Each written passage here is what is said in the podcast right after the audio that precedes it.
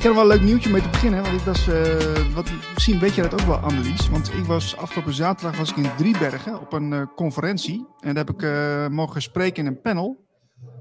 En ik, had ook, kreeg er een heel speciaal kaartje voor op mijn, mijn jas gespeld. Niels Lunsing, dus iedereen kon mij zien. Dat ging over de, de onzichtbare wapens in stille oorlog. Dat was het onderwerp. En dat ging ook over uh, allerlei oplossingen. Hè? Dus in, in, de ochtend hadden ze analyses van Karel van Wolveren en uh, Kees van der Pijl. Die, die gingen allemaal spreken over ja, de, de grote problemen die er zijn en daar een analyse van. En uh, later had je dus de medische zorg, lokale geldsystemen, juridische veranderingen, maar ook de nieuwe scholen en zo, hoe dat opgezet wordt. En echt gigantisch veel mensen die, die daarmee bezig zijn. En nou, ik was dus aan het eind van de dag mocht ik afsluiten met nog een groepje mensen in een panel om uh, te praten over oplossingen voor het onderwijs. Dus het was echt heel leuk. Echt een hele leuke tafel uh, gehad. Aan de thematafel waar allemaal mensen zaten die daar ontzettend gemotiveerd uh, voor waren. Dus dat was heel leuk. Onzichtbare wapens in een stille oorlog. Dus ja, dat is mijn nieuws van de week, Marlijn. Leuk. Ja. Hoe was dat verder voor sfeer? Want ik, je deelde ook een foto, geloof ik, op Twitter. dat zag er heel erg, zo'n heel erg niks aanzaaltje was het. Maar, ja. maar wat was, ja. ja wat was de sfeer daar? Uh, ik, ja, voor mij was het eigenlijk een beetje een soort, soort familiereunie. Zo voelde het een beetje. Allemaal mensen die ik ken, eh, of mensen die ik onlangs heb leren kennen. En uh, ja, die, die eigenlijk met hetzelfde bezig zijn als, als, als wij, wij doen. Gewoon meer bewustzijn brengen op allerlei manieren. En dat was, was eigenlijk heel gaaf. Dus ik heb me eigenlijk heel vermaakt. Maar persoonlijk moet ik wel zeggen dat ik, ik ben bewust wat later gegaan. Want ik merk als ik dan de hele dag onder die mensen ben, of überhaupt onder mensen ben, dan word ik altijd heel erg moe. Want ik, uh, al die energie en zo. Dat, uh, dat prikkelt, ja. Ik ben ook af en toe, af en toe echt weggelopen. Ben ik even alleen gaan zitten. Want uh, man, man, man, al die gesprekken, zo, zo intens, al die mensen. Dus, dus dat, dat, dat merk ik dan wel. Dus aan het eind van de dag was ik ook wel helemaal, helemaal kapot. Maar goed, het was, het was heel leuk. Ja, ja. Misschien ook een keer weer voor jou, Marlijn, om heen te gaan. Ja, ja, ik het. Okay. Maar Annelies, ik, ik, ik zag dat Libbe de Wies was er ook, hè? Is dat zo? Zag je in het programma staan. Tenminste, uh, ja, Vrije Friesland, Libben Wies of natuurlijk, natuurlijk Wijs of Wat Wijs staat op het uh, programma.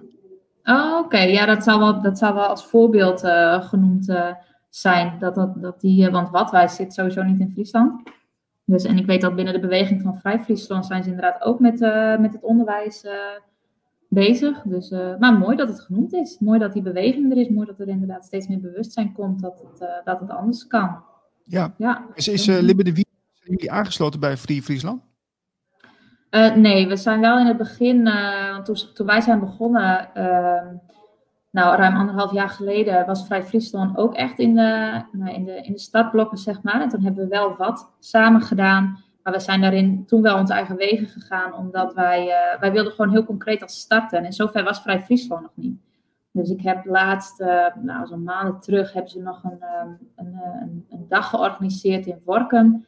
Uh, waar ook alle thema's, want ze hebben nog verschillende thema's. Ze hebben ook landbouw en economie en zorg en, en onderwijs. En uh, er zijn allemaal werkgroepen. En toen ben ik nog even aangesloten geweest bij de werkgroep onderwijs.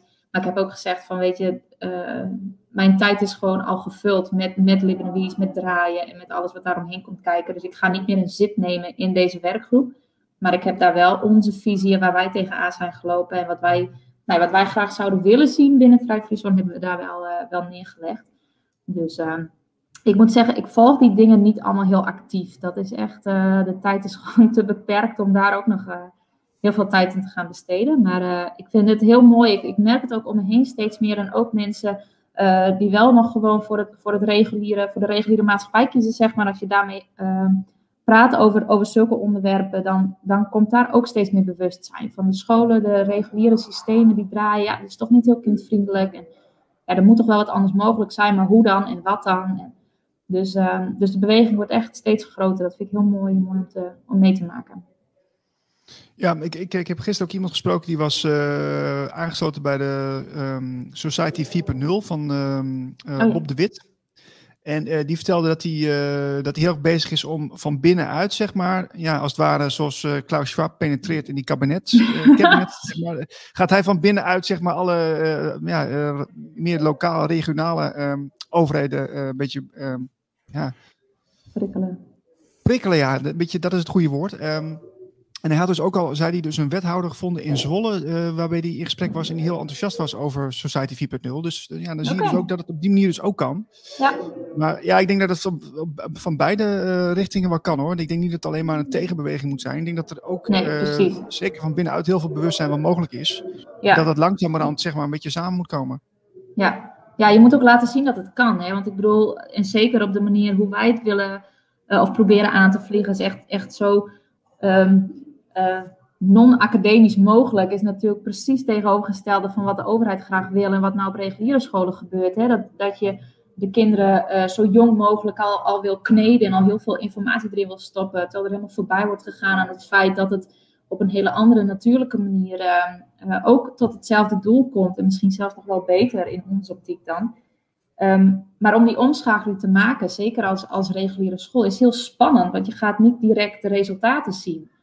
Dus, uh, dus we moeten laten zien dat het wel mogelijk is. En er zijn wel, zeker in Amerika, voorbeelden van dat het, uh, dat het echt kan en dat het echt succesvol kan zijn, ook om het heel anders aan te vliegen. Maar goed, je moet het durven, je moet het, het lef hebben om het, om het te gaan doen en om het te bewijzen.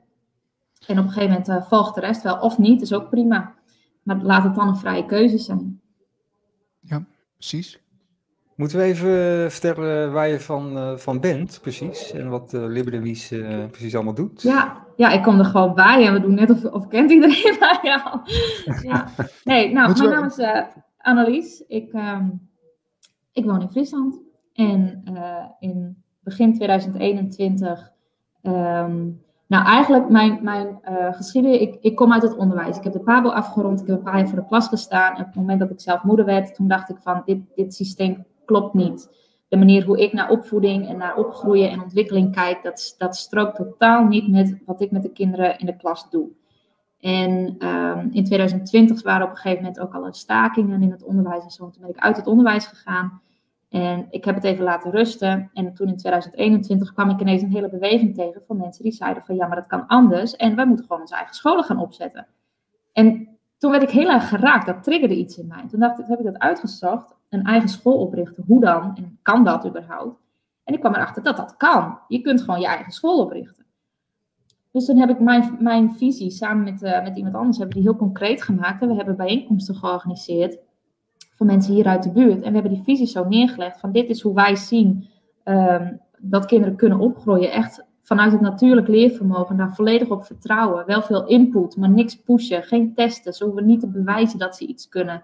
Want alles zit er al in en het kan. En weet je, ze komen echt wel tot waar ze moeten zijn.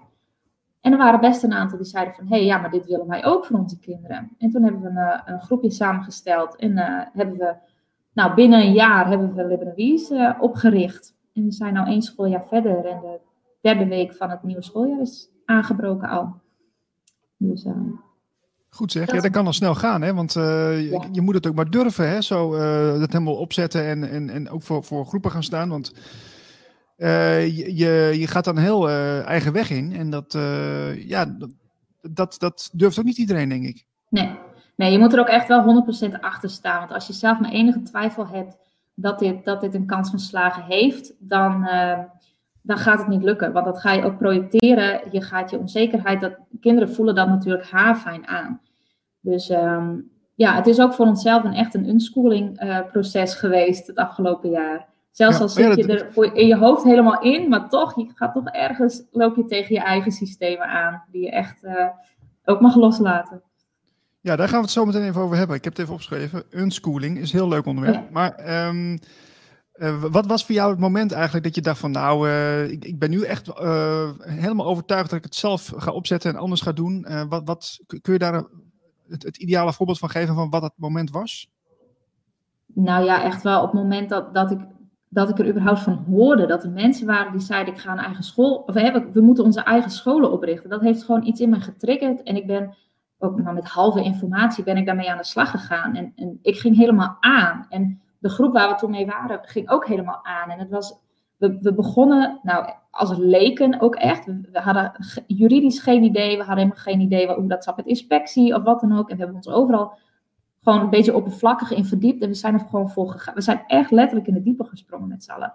En die, die, nou ja, die trein begon te denderen en op een gegeven moment was gewoon geen houden meer aan. We moesten gewoon los. Het was echt zo'n het was niet, niet eens meer een issue van, oh, gaan we naar de zomer? Nee, we gaan gewoon naar de zomer. We wisten nog niet eens waar en met wie en hoe dan en hoe dat dan gefinancierd moest worden allemaal. Maar die stip op de horizon was al gezet en daar gaan we naartoe, linksom en rechtsom. Het was buigen barsten. Het was echt, uh, ja, het was een heel, heel intensief jaar, moet ik zeggen. het is nou gelukkig wat meer uh, in de rust, maar... Uh, ja, het was nou, echt het moment dat, dat, dat ik hoorde dat mensen met mij die visie deelden van uh, kinderen mogen, mogen veel meer vertrouwen krijgen in het feit dat ze kunnen leren wat ze moeten leren, zonder dat dat um, aangeleerd wordt, zonder dat, dat we heel geïsoleerde dingen hun gaan voorschotelen wat ze dan tot zich moeten nemen en dan in de hoop dat ze er wat mee gaan doen. Dat dat op een veel natuurlijkere manier kan, vanuit vertrouwen. Nou, daar ben ik gewoon helemaal op aangeslagen. Ja, want je, uh, je hebt wel gewoon de PABO uh, doorlopen. Dus je hebt wel gewoon uh, kennis van hoe het in de, het reguliere circuit zou horen.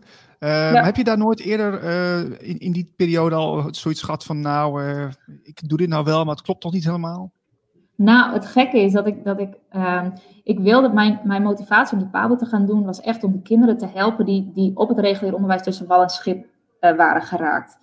Uh, dus de kinderen die eigenlijk ja, wat te goed waren voor het speciaal onderwijs, maar eigenlijk in de klas niet mee konden komen. En ik wilde heel graag uh, remedial teaching gaan doen. Dus dan de kinderen uit de klas halen en dan één op één met ze gaan zitten. En ze echt gaan helpen op hun niveau en op hun tempo. Dus dat zat er wel een beetje in. Maar ik heb gewoon uh, ook aan positive behavior support en zo gedaan, waar ik nou echt helemaal kromme tenen van krijg. Dus dat je kinderen die die zich gedragen zoals jij dat wenst in de klas. Helemaal de hemel in gaat prijzen en ook toppers van de dag gaat uitdelen. En kinderen die zich niet goed gedragen er even naartoe lopen en zeggen, dat doen we hier niet hoor. Zo, en hoe, terwijl ik nu denk van... Positive behavior, uh, zeg jij? Support. Support, ja. oké. Ja, dus dat ze echt brave burgers um, proberen te kweken.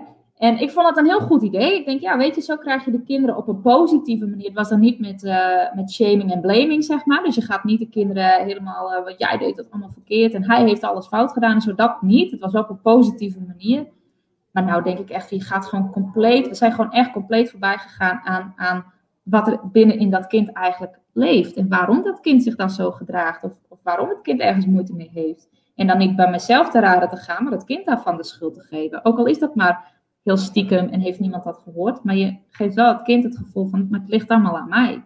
Oh, en als, die, als ik me zo gedaan, als ik netjes stil zit en netjes naar de juf luister en mijn vinger opsteek als ik moet plassen, dan krijg ik uh, een beloning, dan word ik uh, geprezen. Dus uh, nee, het, het, kwam bij mij echt pas op het moment dat ik moeder werd. Toen, ik mijn, toen mijn oudste dochter geboren werd, toen pas ging ik nadenken over die dingen. Dat ik denk, nou, waar ben ik eigenlijk mee bezig? Ja, ja. jongen, jongen, jongen. Ik vond het wel mooi, want op jullie site staat ook een, een, een, geloof ik, een moeder die uh, iets heeft verteld over uh, hoe ze bij jullie school is gekomen en hoe dat al ja. ging. Dus die is naar een informatieavond geweest. En die schrijft uh, dat ze met tranen in de ogen daar zat. Niet omdat het zo ja. geestig was, maar omdat het ja, zo mooi was. Dat hé, hé, eindelijk iets waar ik me in kan vinden. En ja. dit gaan we gewoon zo doen. Ja, en ze vond het zo spannend. En aan de ene kant, dat was ook dat was heel mooi om te zien. Aan de ene kant van binnen trok het haar heel erg van dit is, dit is het, weet je wel, dit is wat bij ons gezin past en wat bij mijn kinderen past en hier moeten we eigenlijk voor gaan. Aan de andere kant toch, ja, komt dat dan wel goed en moet dat dan wel zo? En, uh, dus echt, het, ze mocht echt het vertrouwen krijgen en zij is nou vaste begeleider ook bij ons. Dus dat is wel heel mooi hoe dat is, uh, hoe dat is gegaan. Ah. Oh, komt het er vaker voor dat mensen die dan ze, uh, hun kind bij jullie uh, ja, brengen, dat, dat, ze, dat die ouders dan ook zeg maar vaak uh, vrijwilliger worden? ja, dat hebben we wel een beetje nodig. Alles is op vrijwillige basis. Dus, uh, dus we hebben echt alle hulp nodig die we, die we kunnen krijgen. En dat betekent niet zozeer dat we dan met vijf volwassenen daar zitten. Dat hebben we in het begin wel vorig jaar gedaan. Ook omdat de groep gewoon heel veel sturing nodig had toen. Maar we hebben nou ehm, ook voor de randvoorwaarden heel veel, voor de randzaken bedoel ik, heel veel hulp nodig. Dus er zijn ouders van, van een leerling van ons of van een kind van ons die de website helemaal opnieuw gaat, uh, gaat lanceren binnenkort. En uh, nou, we hebben gewoon heel veel hulp nodig, ook bij het werven van sponsors bijvoorbeeld, of bij het zoeken van andere locaties, of bij het bedenken van uitjes, weet ik veel. Dus dat is, uh, dat is wel de oude participatie die wij nodig hebben. En in die zin ben ik ook dan de moeder van een, een kind die naar Lebanon gaat. En ik zet mij gewoon in met, ehm, met de talenten die ik heb, zeg maar, om de boel te houden. Ja, uh, voor de mensen die nu inschakelen, kun jij uh, uh, uitleggen wat Liebe de Wies eigenlijk is?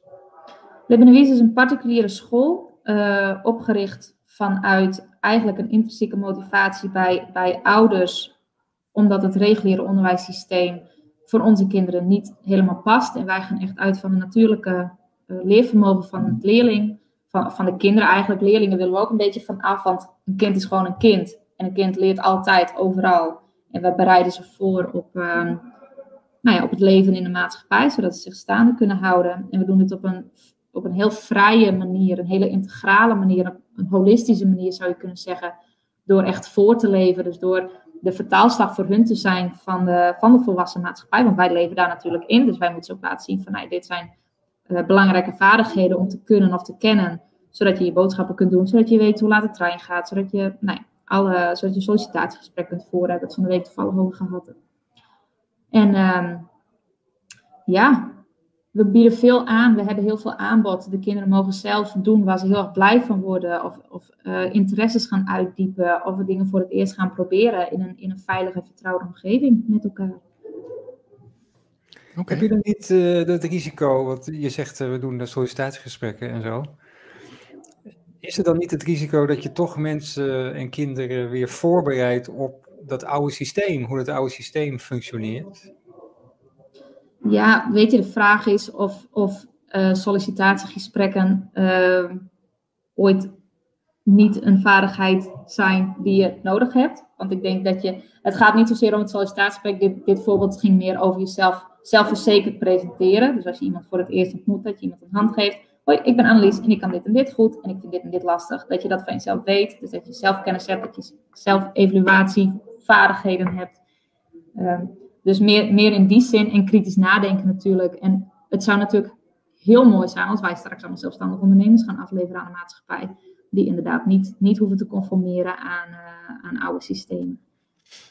Ja, maar het is nu wel wat het is. En we hebben kinderen van, van 10, 11 jaar. Die zullen straks toch echt wel nog in deze maatschappij waarschijnlijk, of het moet heel snel gaan veranderen allemaal, moeten zich wel uh, staande weten te houden. We kunnen ze niet beschermen zolang uh, de nieuwe wereld nog niet staat, zeg maar. Nee. Nee, maar het, uh, ik, ik heb onlangs een interessant gesprek gevoerd over, met iemand over bewust ondernemen. En uh, dan, dan zie je dat heel veel mensen ook op latere leeftijd nog een gigantische ontwikkeling kunnen doormaken. Ja. Hè? Uh, ook, hè, dus de persoonlijke ontwikkeling, maar ook een spiritueel bewustzijn kunnen ontwikkelen. Uh, maar um, is, is, is, dat dan niet eigenlijk wat je aan het doen bent? Dat je mensen op jonge leeftijd al bewust maakt, zelfstandig maakt eigenlijk. Ja. Om, ja, om, je, om jezelf te kunnen ja, laten manoeuvreren in deze, ja, ja, ik zeggen, ja. bijna oerwoud, maar het is, het is de maatschappij. Ja. Die toch die best wel hard is natuurlijk. De maatschappij is best wel Zeker. complex en, en uh, voor heel veel mensen uh, ja, bijna niet meer te doen. Ja, ja zeker. Oké, okay. ja, dat, dat, is, dat is wel interessant natuurlijk. Hè? Dus dat is veel meer de aandacht op uh, ja, het, het, zelfstandig worden en, en, en minder ja, iemand klaarstoppen voor een systeem. Want we moeten allemaal natuurlijk in het systeem passen volgens het reguliere onderwijs. En nu ja, worden we eigenlijk meer volwassen op een korte, uh, jongere leeftijd. Ja, ja, ja, en ik denk ook dat, dat, uh, um, dat het dan heel belangrijk is dat, dat, dat we de kinderen meegeven om ook jezelf kwetsbaar te durven opstellen. Want wat jij zegt, dat je ook op latere leeftijd nog een hele ontwikkeling door kunt maken. Het betekent niet dat, dat deze kinderen die wij nou straks afleveren dat niet hebben, omdat ze dat dan zogenaamd allemaal hebben gedaan. Dat kan natuurlijk altijd, want je maakt dingen mee, je komt mensen tegen, je krijgt nieuwe input. En dan ga je, wat, dan ga je van binnen wat mee doen intern. En daar kun je nou ja, zelf weer op aanslaan, waardoor je weer ontwikkelingssprongen maakt. Dus het is niet zo dat, dat, dat het voor hun niet zou ehm, kunnen gebeuren op latere leeftijd, maar wel dat ze zich er bewust van zijn en ook daar open voor staan. Want dat is tenminste wat ik heel erg merk nou bij, uh, nou ja, bij, de, bij de generatie die nu zeg maar de, de overhand neemt in de maatschappij. Die staan er ook niet open voor. Het is zoals het is en het verandert niet. Mensen kunnen niet veranderen en dit is het. En zo werkt het. Terwijl we nu wel weten dat zo werkt het niet. Weet je, iedereen kan veranderen, systemen kunnen veranderen, we hebben nieuwe inzichten, uh, je gaat meer luisteren naar je gevoel. Um, dus dat is waar we, waar we de kinderen ook gewoon heel bewust van willen maken. Van het, is niet, het staat niet allemaal vast. En je kunt je eigen werkelijkheid creëren. En uh, je mag ook op jezelf terugkomen. Je mag ook zeggen van, goh, ik vond toen dit, maar bij nader inzien vind ik toch dat. En ik denk dat dat wel, wel hele belangrijke vaardigheden zijn. Ik, ik zit een beetje uh, toch gefascineerd te kijken achter jou. Want je, er hangt een hele mooie kaart, of niet? Ja, ik zit, ik zit in, in een kanselarij in, in Leeuwarden. En wij zaten net een vergadering te doen in deze ruimte. En in een afgesloten ruimte. Ik zei, oh, ik ga hier straks leuk zitten. Ah, oké. Okay. Gaaf. Ja, wat, wat, wat staat erop eigenlijk? Kun je dat uh, zien? Ja, het is, is een kaart. Ik heb geen idee. Een kaart en een kompas.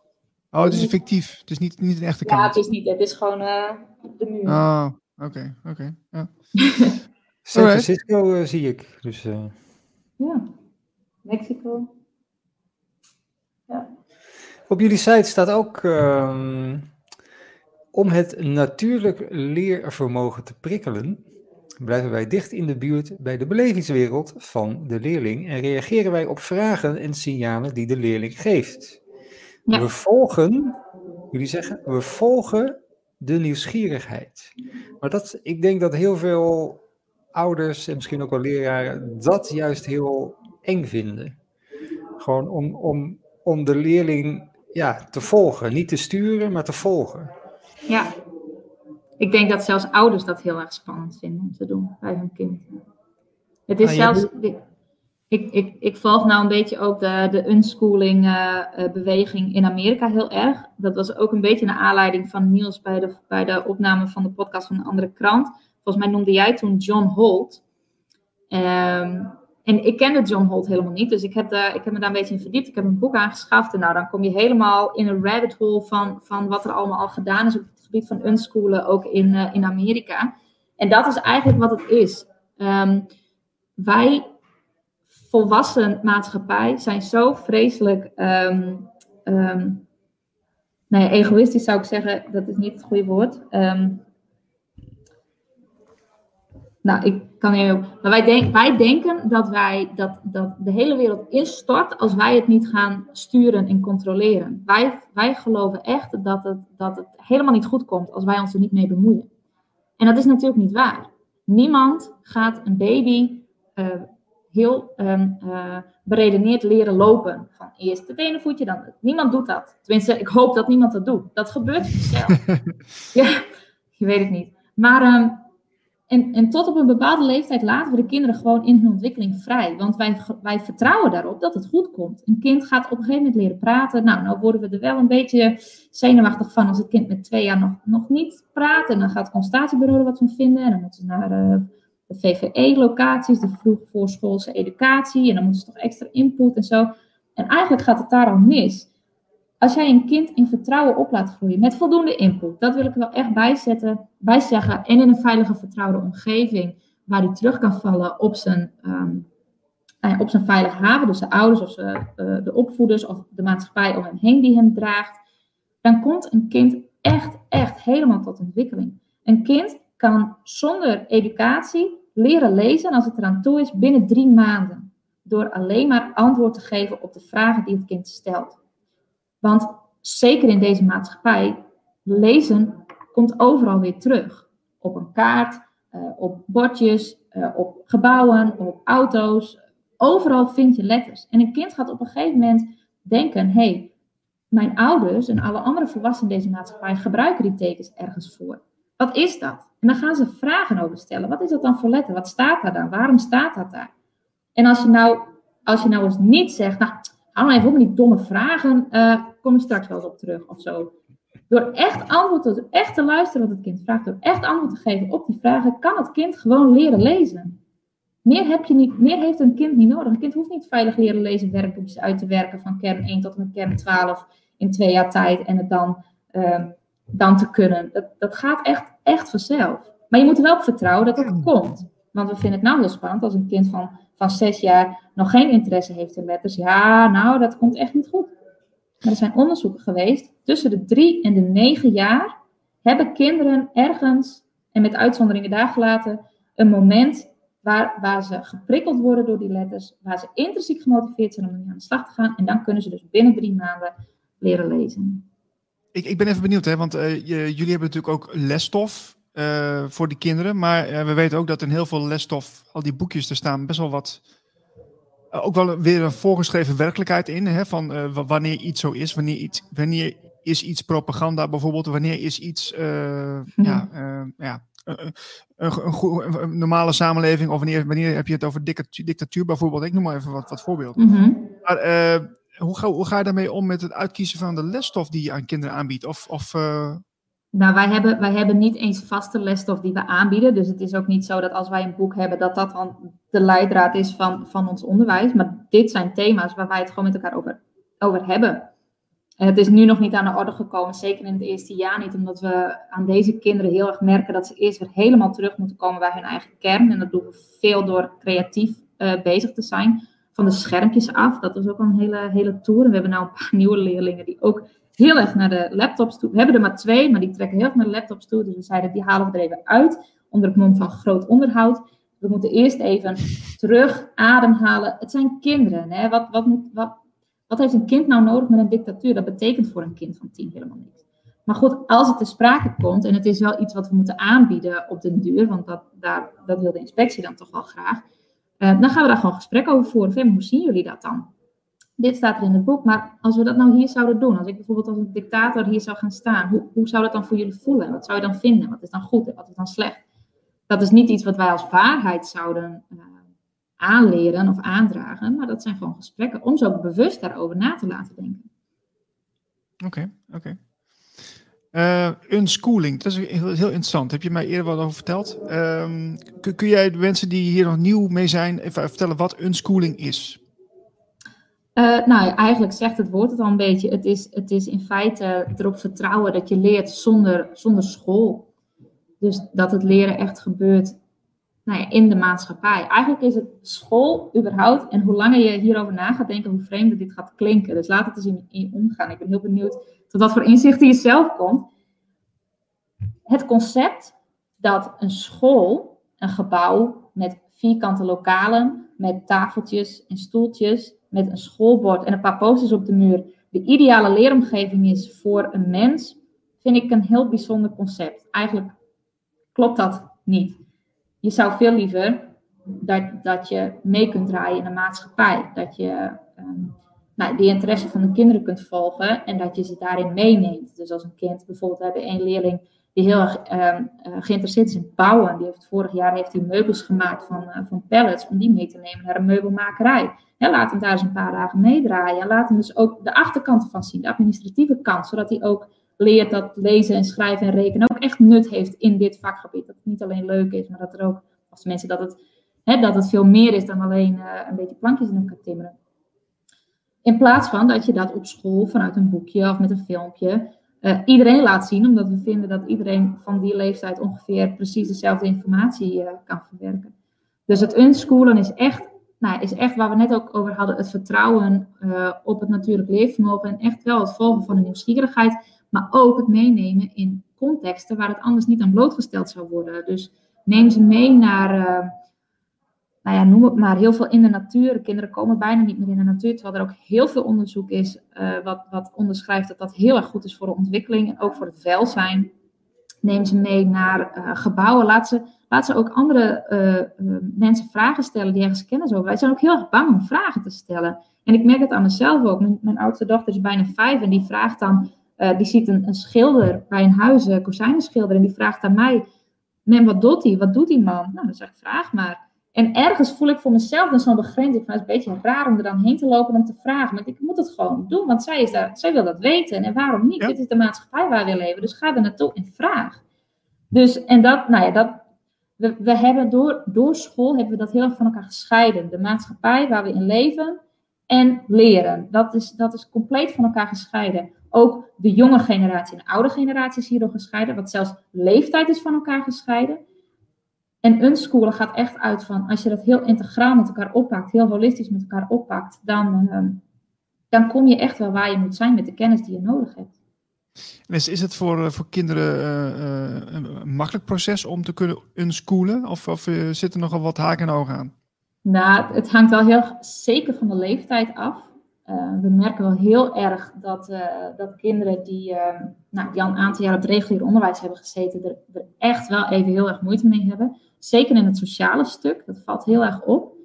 Uh, want ineens moeten ze, moeten ze met elkaar praten en moeten respect voor elkaar hebben en zo. Maar ja, in een klaslokaal ben je gewoon stil en dan heb je het helemaal niet ergens over met je, met je, leer, met je klasgenoten. Dus dan, dan hoeft dat helemaal niet.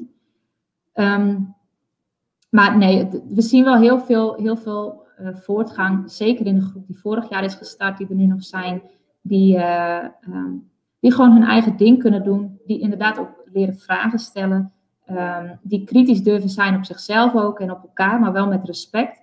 En die ook even uh, niks kunnen doen. En dat valt ook heel erg op, dat heel veel kinderen, die, die kunnen niet niks doen. Dan, dan zijn ze compleet met zichzelf aan. Dan, dan krijgen ze buikpijn, dan gaan ze huilen, dan gaan ze aan elkaar zitten en klieren en doen. Serieus? Omdat ze even, ja, dat is echt heel erg. Kinderen kunnen niet meer niks doen. En dan is het heel makkelijk om achter een scherm te gaan zitten en de filmpjes op te zoeken en zo. Want dan is je brein toch bezig. Maar even ik, ik heb jaren geleden, jaren geleden heb ik voorspeld, want toen zag ik het al. Uh, als je dan bijvoorbeeld in een trein zit en dan, uh, zit ik een boekje te lezen of ik kijk uit het raam. Dan... Maar de meeste, ja, of de meeste, veel jongeren die zitten gewoon zo, hè? Gewoon echt gewoon uh, zo. Een telefoontje. En ook gewoon, dat is ook gewoon de, de standaard houding die ze aannemen als ze naast je komen zitten. Ja. Dus ik had voorspeld van, oké, okay, als dat de standaard houding is, wat nou als, als, als die telefoon het niet doet? Dan moet je ook een keer op een gegeven moment met de trein. Ja, en dan zou je toch misschien ergens een keer een gesprekje moeten aangaan met iemand. Of ja. hallo, of weet je. Of, dat vinden ze dan weer heel moeilijk, denk ik. Dat is, dat is ja. toch gewoon op een gegeven moment een, een, soort van afwijking aan het worden. Ja, nee, dat wordt de norm. Dat, dat is het nieuwe normaal. Dat is, uh, je, praat niet, je praat niet met elkaar als je niet eerst hebt afgesproken dat je met elkaar gaat praten via de telefoon. Als je niet eerst een appje hebt gestuurd van, hé, hey, zullen we straks in de trein even babbelen? Niet, ja, ik ging uh, vroeger, vroeger, als kind, ik weet niet hoe dat met jou was Marlijn, maar ik ging naar, naar vriendjes en vriendinnetjes toe, gewoon uh, die in de buurt woonden. En dan uh, belde ik aan en dan zeg ik, nou, goh, is Pietje er? Nou, je, oh nee, als hij er niet was, dan had ik pech. Dan ging ik naar huis, maar nu is alles voor afspraak. En dan, dan ja. heb je een soort van programma wat je af moet werken. Ja. En OW als je dat... te laat komt natuurlijk. Ja, maar dat maakt het hele unschoolen ook heel erg lastig. omdat de maatschappij er gewoon echt, echt niet meer op is ingericht. Dus je hebt nou bijvoorbeeld, want um, de argumentatie om geen thuisonderwijs te geven is heel vaak, dan, dan groeit het kind op in sociaal isolement. Waarom ja. groeit dat kind dan op in sociaal isolement? Omdat alle andere kinderen waar die iets zou mee kunnen doen, die zitten op school. En de ouders zijn aan het werk. En dat moet inderdaad allemaal met een afspraak. En het moet ver van tevoren gepland worden. Want we moeten een gaatje in de agenda vinden ook om dan dat te kunnen doen. Dat is toch wel weer lastig. Dan moet je met dat kind ergens heen en zo. Dus de hele maatschappij die timmert zichzelf ook steeds meer dicht om om alles maar van elkaar afgescheiden te houden. Dus uh, nou ja, ik vind het mooi om te zien dat er nou heel veel bewustwording daarover ook komt. En ik hoop echt dat die beweging verder gaat groeien, zodat er veel meer mogelijkheden zijn om, uh, ja, om elkaar gewoon weer te ontmoeten, om gewoon weer samen te zijn. Dan hoef je niet eens wat te doen, maar gewoon dat je, dat je inderdaad in een speeltuin, ik woon dan gelukkig in een dorp waar dat nog wel veel gedaan wordt, maar dat je gewoon op een zaterdagmiddag in een speeltuin andere mensen treft en dat je daar een gesprekje mee kunt hebben. Precies. Jullie uh, begeleiden de, de leerlingen of de kinderen uh, naar, hè, om, hè, wat ze interessant vinden, nieuwsgierig naar zijn en al die dingen. Dat, maar dat is toch ook wel weer kennis. Jullie, jullie focussen toch wel weer op kennis. En hoeveel, Tuurlijk, doen, ja. jullie, hoeveel doen jullie aan gevoel? Weet je wat mooi is? Oh, ik vind het zo leuk. Toen wij bij de andere krant van, uh, van het thema-editie van het onderwijs heeft Barbara heeft toen een cursus gedaan met dat kijken met een blinddoek voor. Ja. En wij doen dat nou met de kinderen. Oh, serieus? Oh, tof. Ja. Een moeder van, uh, van, een, van een kind uh, die bij Lebanese is, die, die heeft toen ook al jaren geleden die cursus gedaan. En, en die is nu elke maandag met die kinderen met de blinddoek aan het kijken. En dat gaat echt, echt op je eigen, je eigen kracht, je eigen licht van binnen en je eigen en dat is zo mooi om te zien. Leg uit, leg uit wat het is. Uh, nou, dat is kijken met een, met een blinddoek voor. Kijken zonder dat je, dat je ogen licht zien. Het is een blinddoek, een masker eigenlijk, waar, je, waar het compleet donker is, maar je ogen open kunt houden.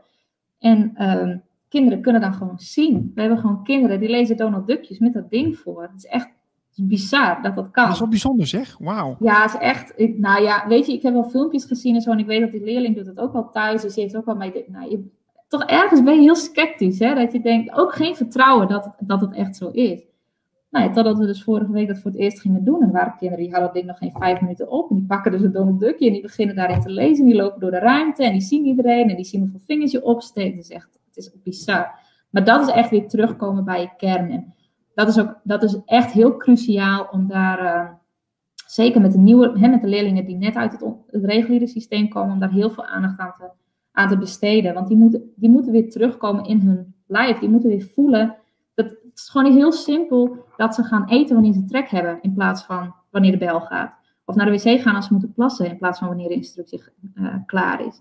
Dus dat zijn van die hele kleine stapjes naar zoiets zoals die blinddoek. En straks echt een zelfreflecterend vermogen. Ja, ik, ik heb... Ik, oh, doe maar. Uh, is het ook iets voor ons als volwassenen om, uh, om dat ja, te doen? Zeker, ja, zeker. Zijn we ja. al verpest?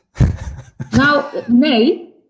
Dat zou je wel denken, want dat dacht ik ook. Ik had het ding voor, ik zie ik nou, fraai. Maar iedereen kan het. Alleen wij zijn zo uh, geprogrammeerd dat het niet kan. Dat, dat, dat die opvatting dat het niet kan zo diep zit bij ons, dat het heel erg lastig is om dat er weer uit te krijgen. Je moet echt, je moet gewoon gerecalibreerd worden, je moet geherprogrammeerd worden. Maar het kan wel. Dus ik zou, als je de mogelijkheid hebt, ik zou zeker daar eens in gaan proberen. Ja, zeker. Nou, misschien kunnen we binnenkort eens een keer een experimentje doen bij ons uh, in de uitzending live. Dat is wel grappig. Um, ik, ik, zat even, ik wil even terug naar uh, die, fundamentele, die, die fundamentele vragen die je eigenlijk moet stellen als je weer iets nieuws gaat beginnen. Zo'n nieuwe school. Want ik was dus bij die thematafels uh, afgelopen zaterdag ja, met, met die onderwijstafel met heel veel mensen in gesprek hierover dan kom je er eigenlijk achter van oké, als je iets nieuws wilt bouwen, dan moet je eigenlijk helemaal terug naar de basis van oké, okay, waar, waar, ontstaan we uit? Hè? Want, en dan kom je weer die vraag die daar weer onder ligt van wie zijn wij dan eigenlijk? Want je kunt wel zeggen van ja, dit is het beste voor een kind of voor, voor, een mens. Maar dat moet wel ergens op gebaseerd zijn. En uh, dus hoe, hoe, uh, hoe kiezen jullie bijvoorbeeld uh, mensen uit, of hoe, hoe, toetsen jullie mensen die iets voor de Wies willen doen? Hè? Dus bijvoorbeeld leerkrachten of begeleiders, hoe je dat dan ook noemt, waar, waar moeten die aan voldoen? Uh, de klik. De klik. Ja, wij leggen, wij leggen ons principe, onze visie en onze werkwijze leggen wij uit. En, en je merkt in een gesprek meteen wel of dat echt, echt bij diegene past of niet. En je voelt ook echt wel. En dit vind ik dan ook weer zoiets. Ja, dat, dat, ik, ik snap het heel goed hoor, dat je zegt van je wilt dat ergens op baseren. Maar dat vind ik echt iets heel systemisch. Dat, dat het -hmm. gecontroleerd moet zijn, dat het ergens op gebaseerd moet zijn. En wij doen, en zeker ook met, uh, met de groep, uh, kinderen en begeleiders natuurlijk, want dat, dat, dat kun je ook niet los van elkaar zien. Wat werkt, werkt. Wat niet werkt, werkt niet. En dan gaan we het anders proberen. Daar kan er zoveel uh, wel over onderzocht en bewezen zijn van dit zijn bewezen methodes die werken. Ja, als het niet werkt, dan werkt het niet. Onze context, onze situatie en ons gevoel is anders dan die van een andere groep. Dus um, en daar moet je vertrouwen op hebben. En je moet dan ook durven om dat aan te passen. En dat is, uh, dat is ook heel erg lastig. Soms. Ja. Heb je, wat voor gekke dingen heb je allemaal meegemaakt afgelopen jaar? Van, van dingen die je niet had verwacht? Oeh, dat is wel een hele leuke vraag. Um, of ik daar nou 1, 2, 3 antwoord op heb? Nee, wat ik gewoon heel mooi vind om te zien en, en ergens wel had gehoopt, maar misschien niet direct verwacht, is de, uh, de eenheid die de groep vormt. Of hoe ze, hoe ze over elkaar ontfermd zijn. En dan, en dan met name de oudere kinderen over de jongere kinderen. En, en hoe erg dat het eigenlijk is dat, dat, dat ze die mogelijkheid niet hebben in het regulier onderwijs. Dat die kansen gewoon ontnomen wordt. Dat, dat, vond, dat vond ik echt heel erg opvallend. Ja, ik heb hier ja. wel even op ingegaan. Want ik, ik had dus uh, een heel interessant gesprek met iemand die zit helemaal in het, uh, in het, in het democratische onderwijs. Ken je dat? De democratische school uh, heet het. Ja, ja. En daar doen ze dat ook. En hebben ze dus gewoon zeg maar een bandbreedte van vierjarigen tot twintigjarigen. Die gaan gewoon met elkaar in één. Ja, die zitten gewoon bij elkaar op school. Dus die, die zijn geen aparte categorieën, zeg maar. Of, of le leeftijdsbeperkingen. Nee, die gaan gewoon bij elkaar. En die leren ontzettend veel van elkaar. Dus, ja, het klinkt eigenlijk heel simpel, maar het is, het is wel echt een heel mooi concept. Ja, ik vond het ook zo mooi uh, dat, uh, dat een van de nieuwe leerlingen, we hadden dus gisteren hadden we een gesprek, joh, wat zijn nou eigenlijk cruciale vaardigheden die je, moet, die moet kunnen en kennen als je volwassen bent. En dan gingen meteen een paar vingers zo de lucht in, hè? Echt, zo, echt zo systeem. Ik wil wat zeggen, ik wil hierop reageren. En toen zei ik, ja, ik zou het heel knap vinden, ja, heel lang. Maar ik, zei, ik zou het heel knap vinden als jullie hier uh, antwoord op kunnen geven. Want ik zei, jullie zijn nog niet volwassen, jullie zitten nog niet in de maatschappij. Maar ik wil wel heel graag weten wat jullie denken wat heel belangrijk is. Dus ik heb ze eerst even de beurt gedaan, heb ik zelf verteld wat, wat ik dan heel erg handig vind om te kennen en te kunnen. Maar er was een van de nieuwe leerlingen die zei, uh, wat hij het allerbelangrijkste vond, is uh, verschonen. Ik zei, wat verschonen? Uh, baby's. Baby's verschonen. Oh, ik zei, vind het belangrijk om baby's te kunnen verschonen als je volwassen bent. Nou, ik zei, dat snap ik wel, dat je dat, dat, je dat goed moet kunnen, ja. Dus dan denk ik, dat zijn wel dingen waar kinderen, en die jongen is tien jaar, daar is hij dus wel mee bezig. Dat is wel iets wat, wat, wat hij heel belangrijk vindt. En bij ons heb je dan de mogelijkheid, ik heb dan nog een jongste dochter, die gaat ook wel eens mee.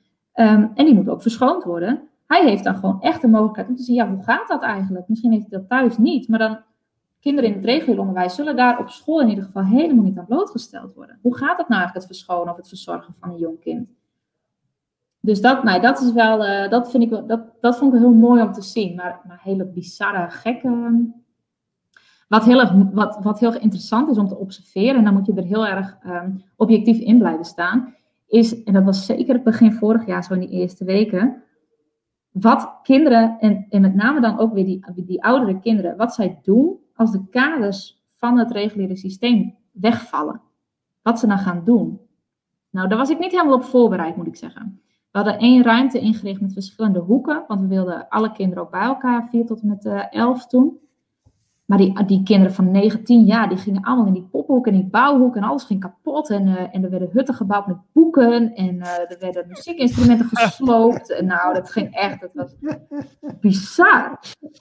En dan denk ik, ja, weet je, als je dus, Wat heb je toen gedaan? Want dan denk je van, oh shit, dan gaat het helemaal escaleren. Ja, nou, dat is dat. We hebben toen we hebben een open ruimte en een afgesloten lokaal. En het afgesloten lokaal was toen de stilteruimte en de bibliotheek. Dus dat kinderen die echt even stil boekje wilden lezen, zich daar terug konden trekken. Nou, dat was toen ook wel echt heel erg nodig voor een paar kinderen die hele dagen Donald Duckjes zaten te lezen. Maar wij moesten echt die, kleintjes beschermen. Die kinderen van 4, 5 jaar, die, die, nou, dat was gewoon niet veilig. Dus toen hebben we dat lokaal, dat dichte lokaal, hebben omgebouwd tot uh, eigenlijk een beetje kleuterlokaal. Dus die zijn toch wel een beetje afgeschermd. En dat werkt heel erg goed. Maar we hadden dus ook heel veel materialen van onszelf ook. Uh, nou, best wel dure materialen ook. Ik had instrumenten daar liggen en boeken en zo. Die hebben we eerst maar weer even meegenomen naar huis. Verstandig, ja. Ja, ja. En, en je merkt nu ook echt dat de kinderen die, die net uit het, uit het reguliere systeem komen, weer ditzelfde gedrag gaan vertonen. De kinderen die vorig jaar ook bij ons zaten, die hebben het nou wel een beetje door. Van ja, je gaat met respect met materialen om en met, met een ander spul ook. Want ook wat iemand anders heeft gemaakt, met heel veel zorg en heel veel liefde en heel veel aandacht. Het wordt zomaar stuk gemaakt. Dat, dat, dat, dat denk ja, maar ik niet dat is het wel een hele mooie reflectie van de, de normale maatschappij. Hè? Iemand wat zomaar ja. iemand maakt, wordt zo weer stuk gemaakt. Heerlijk, lekker. Ja, ja maar je gaat gewoon wel compleet voorbij aan het gevoel van die ander. Het empathisch vermogen is, is echt onder nul. En dat, is wel, dat vind ik wel heel opvallend, uh, wat, we nou, wat wij hebben gezien daarin. En ik wil niet zeggen dat de kinderen helemaal geen empathisch vermogen hebben, want dat hebben ze natuurlijk wel. Maar ze kunnen er even niet bij. Het is, ze zijn zo met hunzelf aan. Uh, op het moment dat, dat al die kaders wegvallen, ze moeten zo weer bij, bij zichzelf te raden gaan. En dat is heel confronterend. En daarbij uh, uh, nou, gaan ze als een olifant door een porseleinkast, zeg maar. Het is, dus, het is een soort afkicken dan ook eigenlijk, hè? Absoluut, ja. ja. Maar hoe, hoe gaan jullie om met, want dit ligt een beetje in het verlengde, hoe gaan jullie om met kinderen die zeg maar de en volwassenen, dat stopt nooit, maar die de grenzen opzoeken. Dus die, die gaan expres kijken waar zit de grens en dan ga ik kijken of ik daar ja, tegenaan of overheen. Of... Het is niet allemaal koek en ja. ei dan natuurlijk. Nee, zeker niet. Nee, en dat is, dat is het ook niet. Hè. Het klinkt allemaal heel romantisch en, uh, en heel leuk en gezellig allemaal met elkaar, maar het is gewoon wel echt hard werken. Het punt, het, het grote wezenlijke verschil is dat wij iedereen verantwoordelijk maken in dit proces niet alleen de leerkracht is verantwoordelijk voor, uh, voor dat het kind zich uh, binnen de grenzen gedraagt. Dat is ook de verantwoordelijkheid van het kind, maar ook van de groep en ook van de ouders. Um, wij hebben wel grenzen. Er zijn echt wel grenzen aan grenzeloos gedrag, zeg maar. Als echt het, de veiligheid van de groep in het geding komt voor een structurele periode, dan zeggen wij ook, jongens, maar dit werkt gewoon niet zo. En vaak zijn er dan ook onderliggende redenen waarom dat zo is. En nou ja, wij, zijn, wij zijn natuurlijk een onderwijsinstelling en we hebben natuurlijk echt, we willen um, voldoen aan de zorgplicht voor de kinderen, want we willen gewoon dat de kinderen allemaal een fijn plekje hebben. Maar het gaat wel tot zover. Dus um, ja, of er moet extra hulp eh, gevonden worden. Of... Een uh, laptop even aan de oplader doen, jongens, anders ben ik zo weg. dus je, je, zou eigenlijk kunnen zeggen, ja, jullie zijn een school, maar dan zonder... Jullie hebben wel grenzen, maar die grenzen zijn eigenlijk veel uh, verder weg dan in het mhm. reguliere onderwijs. Als, als kinderen daar dus dan inkomen, dan hebben ze een soort afkikverschijnselen. Want dan weten ze eigenlijk niet wat ze met zichzelf aan moeten. Want die grenzen zijn veel te ver van hun vandaan. Ja, en vaag ook. Heel vaag. Want dat is voor wat voor de ene een grens is. Want dan kom je, kom je meer te raden bij wat je persoonlijke grens is. Waar liggen jouw persoonlijke grenzen? Niet zozeer wat zijn de grenzen van het gebouw of van uh, uh, de afspraken die we hebben of zo. Maar ook echt bij je eigen grenzen. En heel weinig kinderen tegenwoordig mogen die grenzen echt verkennen. Nog. Dus, en dat is, nou ja, dat is uh, gek. Voor ze. Ja, voor mij wordt het een beetje gezien alsof kinderen dat helemaal niet zouden kunnen. Ja, die doen maar wat en uh, die spelen maar een beetje in de rond.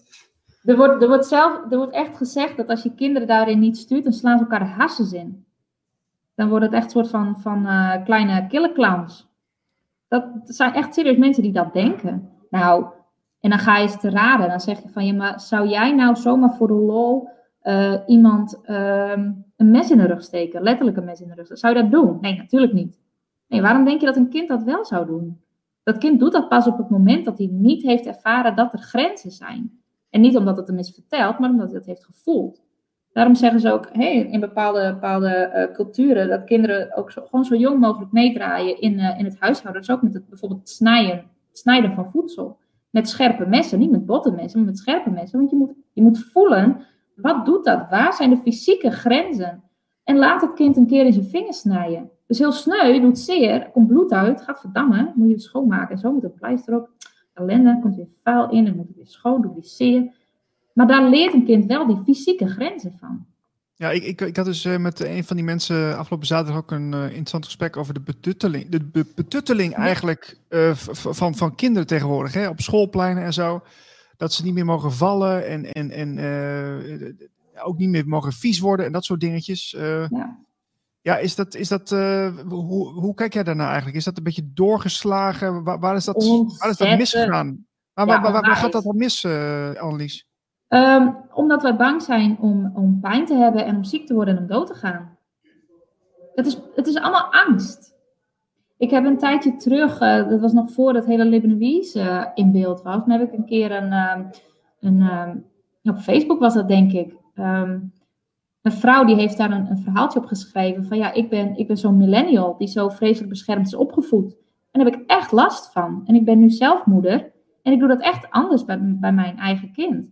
Want ik heb er echt heel erg last van gehad. En ik, ik zelf, ik, ik zit een beetje in die, in die periode net daarvoor, ik ben van 93.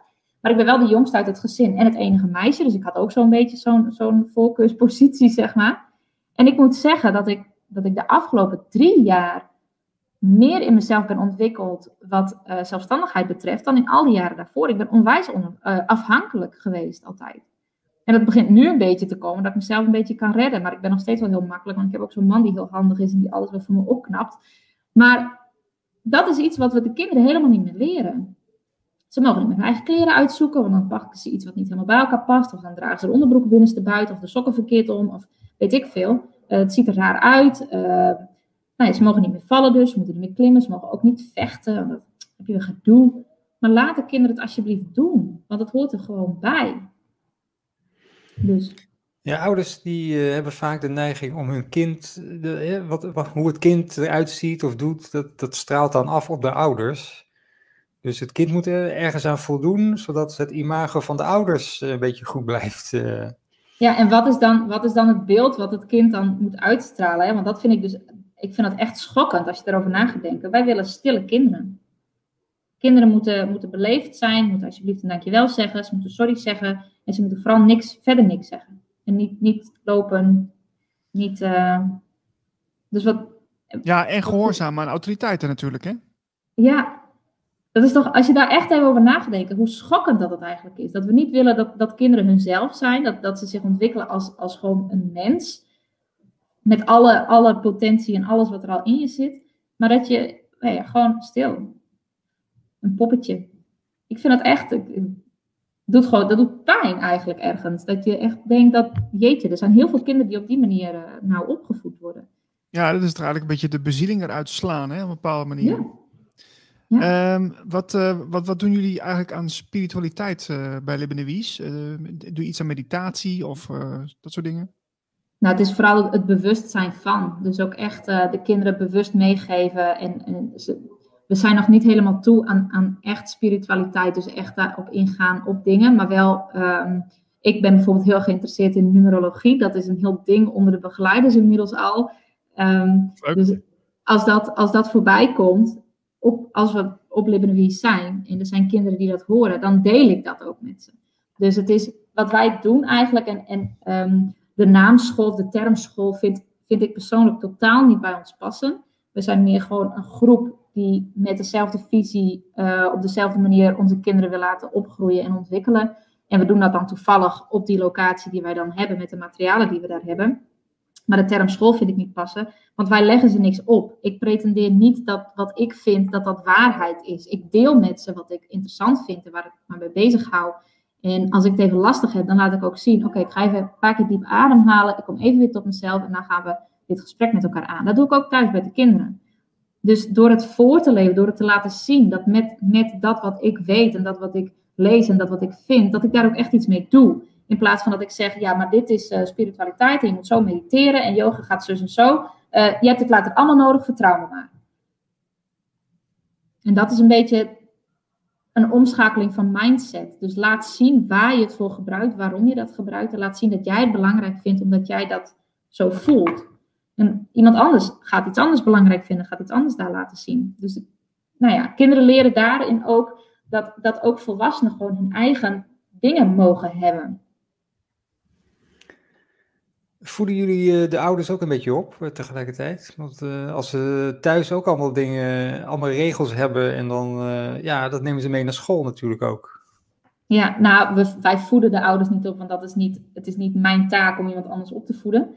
Um, maar het is wel zo, als je dus merkt dat, het, dat er enige twijfel is, of toch dat, dat ouders iets hebben van, ja, maar ik wil toch dat ze een toets doen, ik wil toch controle, of ze mogen thuis nou ja, wordt er op een andere manier met de kinderen omgegaan dan wat wij, uh, nou ja, wat onze visie is, dan past het niet. En dan scheiden onze wegen ook redelijk snel. Oké. Okay. Okay. En uh, toch even een, een praktisch dingetje. Uh, hoe, hoe komt Libbedemies eigenlijk aan, aan geld? nou, we hebben oude bijdragen tot nu toe alleen nog maar. En er kan gedoneerd worden ook op de website. En we hebben een lijstje om ook materialen te doneren. Maar dat loopt nog niet heel erg. En we willen nu de komende tijd, want uh, zoals ik zei, er, is een vader bezig met de website. En die gaan we, als alles mee zit, de 30ste uh, opnieuw lanceren. En we willen dan ook meer gaan inzetten op promotie maken. En ook bedrijven en ondernemingen te benaderen voor sponsoring. Dus dat we echt met het verhaal gaan van uh, wij, wij willen hier de nieuwe generatie aan de maatschappij afleveren over een aantal jaren. Dat is een generatie die, uh, die heel veel zelfkennis heeft, die zelfreflecterend vermogen heeft, die zich kwetsbaar durft op te stellen, die zelfverzekerd in het leven staan. Um, en die, die hun talenten ook echt helemaal volledig mogen, mogen ontwikkelen bij ons. En we willen ze daarin, hè, de ondernemingen en de bedrijven, heel graag ook eerder al in benaderen of in, nou, erbij halen, zeg maar, van hè, laat alsjeblieft zien wat jullie nodig hebben aan uh, mankracht bijvoorbeeld, zodat kinderen die denken van, oh, daar wil ik laten werken, daar ook aan kunnen werken, of zoiets wil ik laten doen, dus dan heb ik dat en dat nodig. Om, nou ja, om dan ook samenwerking daarin aan te gaan. Maar goed, dat kost allemaal gewoon ontzettend veel tijd. Uh, alle begeleiding alle mankracht, ook die van, van mij van de rest van het bestuur, dat is allemaal vrijwillig. Dus onze tijd is gewoon heel erg beperkt. Dus dat mag allemaal nog gaan groeien. Ja, ja, dat was mijn volgende vraag, maar die heb je nou beantwoord. Vrijwilligers, ja. Jongen, jongen, jongen. Ja. Nou, wat een hele, hele uitdaging, man. Het is echt... Uh, Absoluut, ja. hoe, hoeveel dagen in de week ben je nou uh, mee bezig? Uh, acht. Nee, ik ben, ik ben één, dag, Eén dag in de week ben ik, ben ik fysiek ook op school. Maar dit is iets waar je altijd mee bezig bent. Dit is, het, weet je, het is geen school. Het is niet een onderneming. Het is, een, het is echt een manier van leven. En wij komen samen vijf dagen in de week uh, op die locatie onder het mom van school. Zodat kinderen die onder de leerplicht vallen ook gewoon daar naartoe kunnen. Zodat die er ook de mogelijkheid krijgen om, uh, om op een unschooling manier, zeg maar op zo vrij mogelijke manier, uh, nou ja, klaargestoomd te worden voor de, voor de maatschappij. Waar zitten jullie? In Leeuwarden nu, ja. In, ja, in een oud, oud kantoorpand waar een kerk nou in zit. Dus daar staat een maatschappelijke bestemming op en daar konden we snel in. Maar de zoektocht naar de ideale locatie blijft. Dus als iemand iets heeft, dan houd ik me zeer aanbevolen. Wat, wat is er in Friesland allemaal aan het uh, broeien? Want er, er schieten allemaal uh, initiatieven uit de grond daar. Ja, wat, onwijs wat veel. Voor, wat is dat voor cultuur eigenlijk, die Friese? Dat, dat oh, daar kan, oh daar, kan ik een heel, daar kan ik heel lang over praten. Over de cultuur van de Friese. Nee, het is... Um, uh, Friese zijn... Um, er wordt, laat ik hiermee beginnen. Friesland is nu noorden van Europa, maar eigenlijk, of tenminste noorden van uh, hè, Nederland. Maar eigenlijk zou het het zuiden van Scandinavië moeten zijn. Qua denkwijze, qua eigen gereidheid, qua zelfstandigheid past Friesland veel beter bij Scandinavië dan bij, um, nou ja, het Franse Romeinse Rijk, zeg maar, uh, van die tijd. Het is eigenlijk uh, Frisia, hè, van oudsher. Magna Frisia, ja, en die, hadden heel veel hand, die waren ook heel erg noordelijk gericht. Die, waren ook, uh, die dreven veel handel met Scandinavië. En dat, nou ja, de, de vikingen, zeg maar, die, uh, daar ja. zijn gewoon heel veel banden mee. En Friesen uh, zijn heel gastvrij, heel bereidwillig om, om ieder te helpen. Maar je moet wel normaal blijven doen. En als jij mij aantast in, in wat ik doe om mezelf te onderhouden en om me goed te voelen, dan moet je gewoon vertrekken, dan moet je gaan. En dat Ja, zit wat, bij wat, is, wat is normaal dan? Wat is dat dan, normaal? Eh, als ik mijn ding kan doen op de manier hoe ik dat het fijnste doe, dan is dat voor mij normaal. En dan moet jij daar niet aan tornen. Dan moet jij daar gewoon afblijven. En je had natuurlijk in Friesland heel veel, heel veel terpjes. En nou, dat werd ook gezegd, van, van blijf van mijn terp. En eh, ik vond het wel grappig, want eh, je had natuurlijk een paar jaar geleden had je de blokkeervriezen met de Zwarte Pieten discussie. En nou wil ik er niet Oh een ja. politiek verhaaltje van maken. Maar eh, een van die jongens die zei toen, of een van, van die, van die nou, ja, blokkeervriezen, die zei van, ja, maar dan gooien we ze wel over de dijk, de zee in. En heel veel Friesen hebben heel weinig historisch besef, want echt de historie van Friesland is fantastisch. Maar dat was echt wat de Friesen deden vroeger. En waarschijnlijk heeft hij dat helemaal niet geweten, was hij zich er helemaal niet bewust van. Maar Friesen die groeven de, de vijand, zeg maar, in het, in het wat in, zodat de tij ze kon, ze kon verdrinken. Ja, dat waren echt. Oh. Dus dat, bij, Fries, bij Friesen van binnen, echt dat Friese bloed, daar zit die historie en die cultuur en dat gevoel zit daar, zit daar heel diep. En ik vind het fantastisch om, om te zien en om te horen. En ik ben, ik ben, echt, eh, ik ben een echte diep Fries. ik ben ontzettend trots op mijn roots en op mijn, eh, op mijn geschiedenis. Ja. Snap ik, ja. ja. Als, we, als we tien jaar in de toekomst kijken, heeft Friesland eh, zich afgescheiden inmiddels, of niet? Eh, ja, of we hebben het Magna Frisia terug, dat Nederland gewoon eh, niet meer bestaat. Dat zou ook wel heel mooi zijn. Ja. Nou ja, als je terugkijkt in de geschiedenis, ik, ik heb laatst een leuk boekje gelezen, Vergeten Koninkrijken eh, van Europa. Dan zie je dus iedere keer dat er om de zoveel jaren een soort van ehm, ja, afsplitsing komt hè, van, van heel veel koninkrijken of van landen.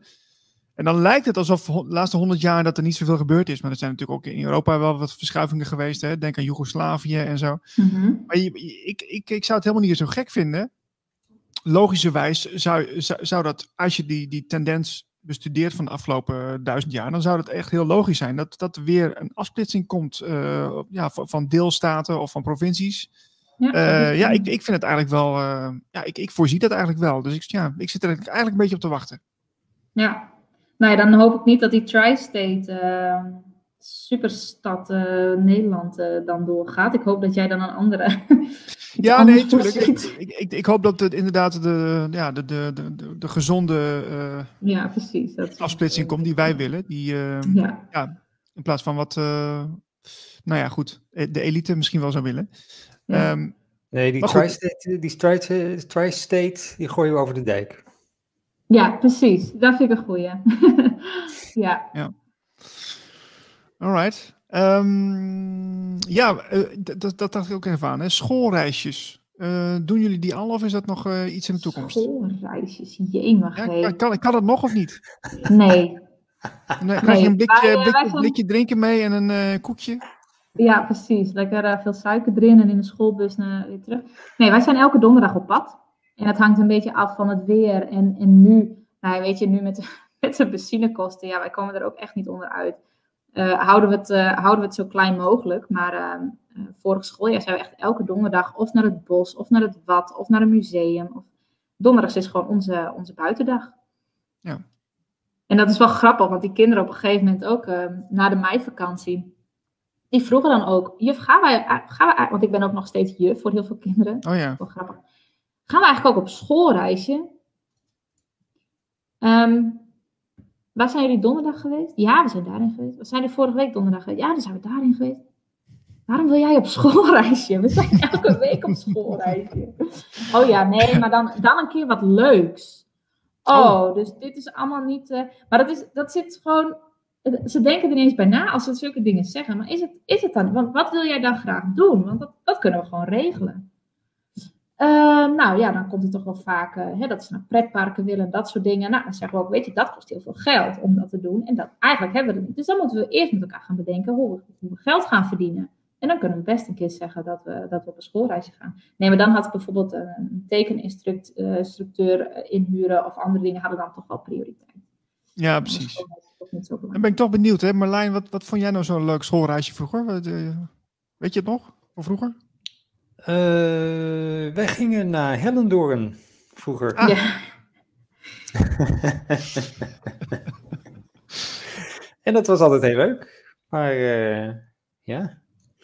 Waar ging je, ging je in zo'n achtbaan of zo? Of, of uh... Ja, in de achtbaan, in de wildwaterbaan. En weet je, hoe heet het ook weer? Je had een soort rondvaart met, met een soort kannibaal. Die hebben ze, dat mag natuurlijk mag niet meer, dus hebben ze eruit gegooid nu. Maar Leuk, schoolreis. Er werd, werd, iemand in een grote pan werd gekookt. En, uh, maar dat was niet helemaal meer uh, politiek correct. Uh, dus dat hebben ze allemaal veranderd nu. Maar,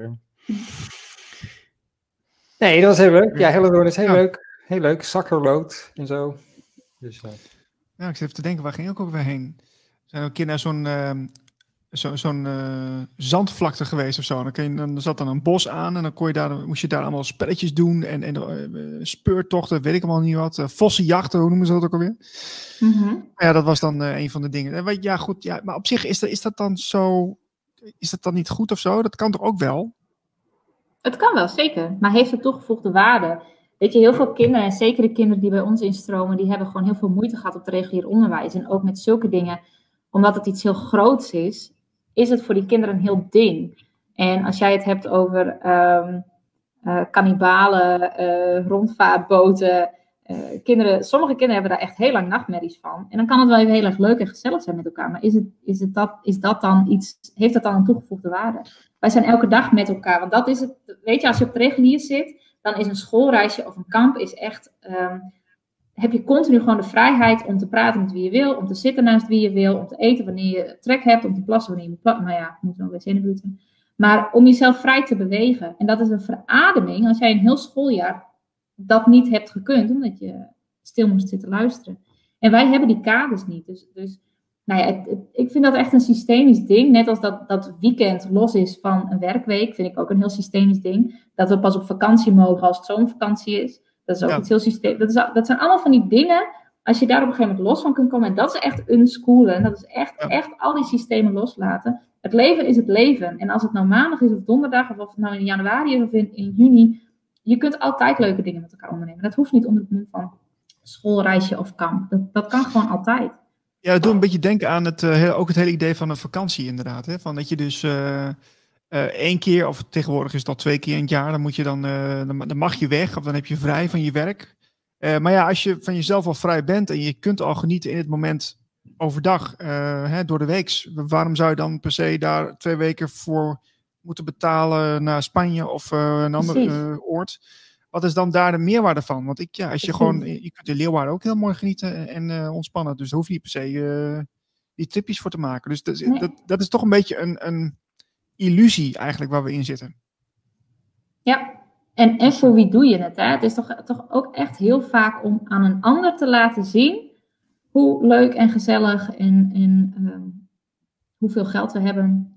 Want wij kunnen helemaal dat, dat, zit er dus al heel vroeg in, die uh, conditionering van al die, uh, ja, gewoon woorden eigenlijk. Schoolreisje, ja. vakantie. En dat is, ik vind het mooi dat je dat aanhoudt, woorden. Want de taal die wij gebruiken, daar zit zelfs al conditionering in. Dus dat we leren hebben uh, afgeschermd van leven. Want leren impliceert dat jij iets niet kunt, totdat iemand die het wel kan, het jou aanleert. Maar leren is ook als je iets voor het eerst doet. Dan loop je tegen dingen aan, je hebt een zelfreflecterend vermogen, iedereen heeft dat. Dus als je bijvoorbeeld, als ik nou een meubel ga bouwen en um, ik sla een spijker in een plankje hout, maar ik zet er niks onder en ik sla zo'n spijker in mijn hand, dan denk ik, oh, dat is niet heel handig. Maar dat had ik waarschijnlijk ook gedaan als ik eerst uh, drie weken lang elke week een uur les had gekregen in een boekje. Een spijker moet je pas in een plankje hout slaan, als er een ander plankje hout uh, onder, weet je, zo. Dus, dus de taal die wij gebruiken en ook het woord kinderachtig. Wat voor associaties heb je bij het woord kinderachtig? Dat is iets heel negatiefs. Waarom is het negatief om kinderachtig te zijn? Het is toch fantastisch om kinderachtig te zijn? Kinderen zijn fantastisch, zijn open, zijn, zijn, zijn zichzelf. Ja, nieuwsgierig en, en uh, nieuwsgierig, on, on, onbevangen en uh, speels en, en uh, ja, ja, nieuwsgierig inderdaad. Vooral bij, dat, dat, dat lekkere vrije, dat, dat ja, we zien wel idee, weet je. Dat we, we zijn allemaal zo, ja, een beetje verstart en een beetje, beetje saai en, en stijfjes geworden. En we denken allemaal in concepten. Als je alles los kan laten, dan krijg je een hele andere wereld natuurlijk. Ja, ja en als je dat echt één keer, als je één keer down die, tenminste dat merk ik nou aan mezelf wel erg. Als je één keer down die rabbit hole bent, dan nothing makes sense anymore. Echt alles, alles gaat zo. Alle concepten die we hebben. Nou, de, ik verbaas me er gewoon over dat we dat allemaal heel normaal vinden. Dat we daar allemaal gewoon niet over nadenken en het maar gewoon zo doen. Ja, dus de, down rabbit hole, dat kun je heel veel dingen onder verstaan natuurlijk, hè? Nou ja, als je één keer in die, in die unschooling en, en in, nou ja, in, in deze... Als je op deze manier naar het leven gaat kijken, dan... Nee, dan, dan, dan niks klopt meer dan. En dan is taal daar gewoon een hele belangrijke factor in. Wij missen ook echt, want unschoolen, ook die term uh, impliceert dat er iets mist. Want un is, on is iets negatiefs, hè, dan mist er iets. Uh, onfatsoenlijk, dan mis je fatsoen. Dus wij missen ook echt een term die, die, nou ja, die omvat wat wij ermee willen zeggen. En, en dan loop je ook tegen interpretatiefouten aan en zo. Dat is, de taal is gewoon eigenlijk heel beperkt. Taal beperkt je. Is ook een grens. Ja.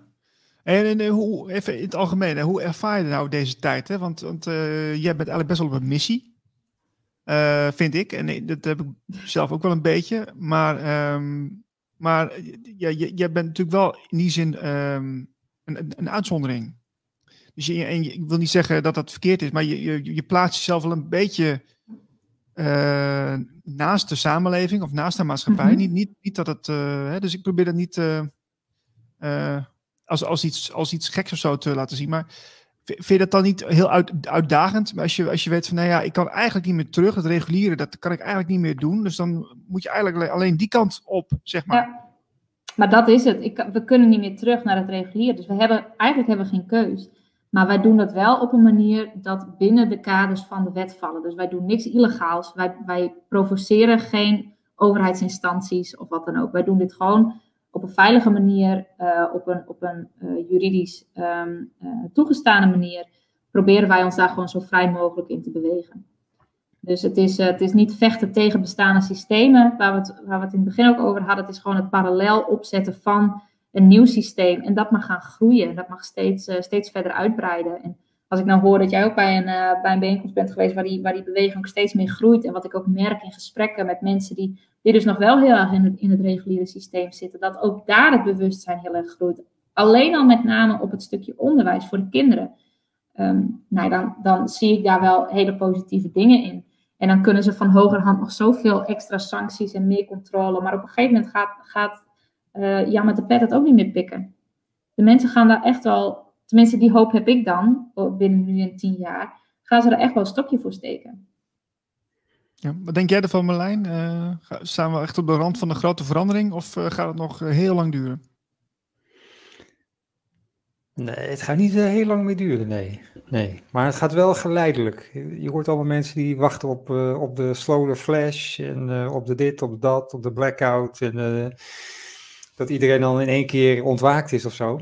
Maar het, het, het gaat geleidelijk. Dus ik denk echt dat we naar die parallele samenleving toe gaan wat, wat ja, die, die tweede samenleving, dat is gewoon de nieuwe samenleving. Dus iedereen gaat daar langzaamaan naartoe. Maar er moet wel. Er moet... Ik, ja, ik denk dat, dat je, uh, je zegt een nieuwe samenleving. Voor mij is die parallele samenleving, dat is de samenleving volgens mij. Want ik vind het reguliere vind ik eigenlijk niet meer samenleven. Want nee, uh, daar worden mensen uitgesloten ook, hè? Dan ben je dus niet meer samen. Nee, nee. Hoor, eh, die dus hoor ik hier. Dus ik hoor gewoon rommel. Uh. Dus ja, je sorry, was een type. Je hebt een gesplitste samenleving, dus een reguliere en een nieuwe. Maar uiteindelijk, die nieuwe zal uiteindelijk overblijven. Dat hopen we dan. Nou, daar vertrouwen we op. Daar vertrouwen ja, vertrouwen. Ga niet hopen. Nee, ik, ik vind het, het belangrijkste wat, waar, waar ik, en ik, ik, ik voorzie voor mezelf ook echt nog wel een rol daarin. Want dit is gewoon, dit is gewoon een, een rol wat ik heb uh, in dit leven. En dan heb je toch wel over spiritualiteit. Ik voel gewoon echt dat dit mijn plaats is. Dat dit, dat dit mijn, mijn in ieder geval voor nu.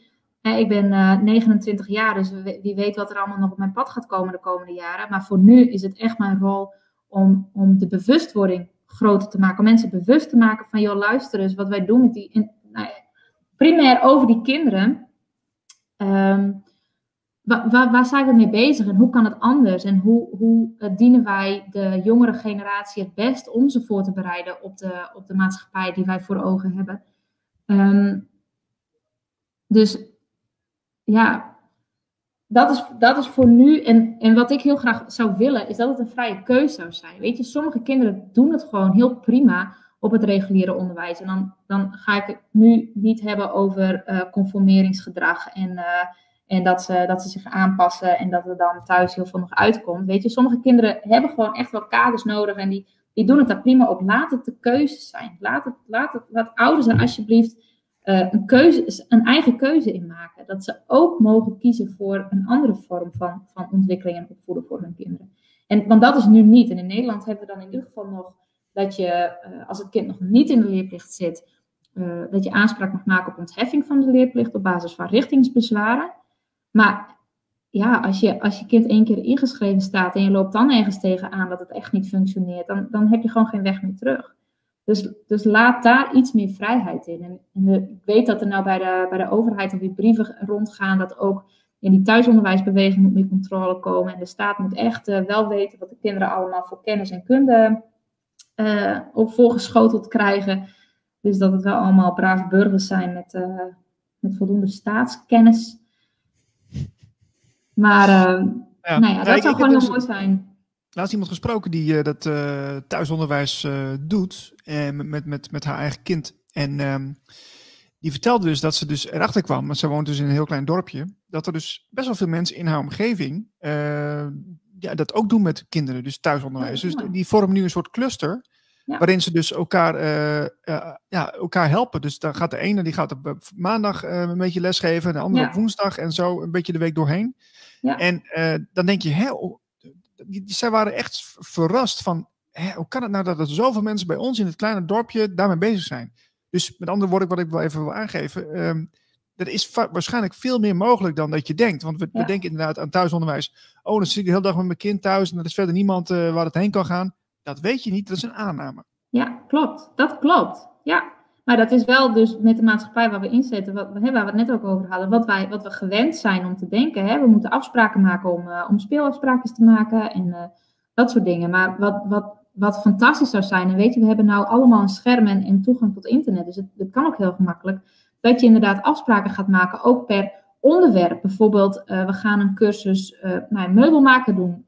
Of we gaan een cursus kaarsen maken doen. Of we gaan een cursus boekhouden doen. Weet ik veel. Sommige kinderen vinden dat misschien wel heel erg leuk als ze 12, 13 jaar zijn. Van hoe werkt dat eigenlijk, zo'n boekhouding?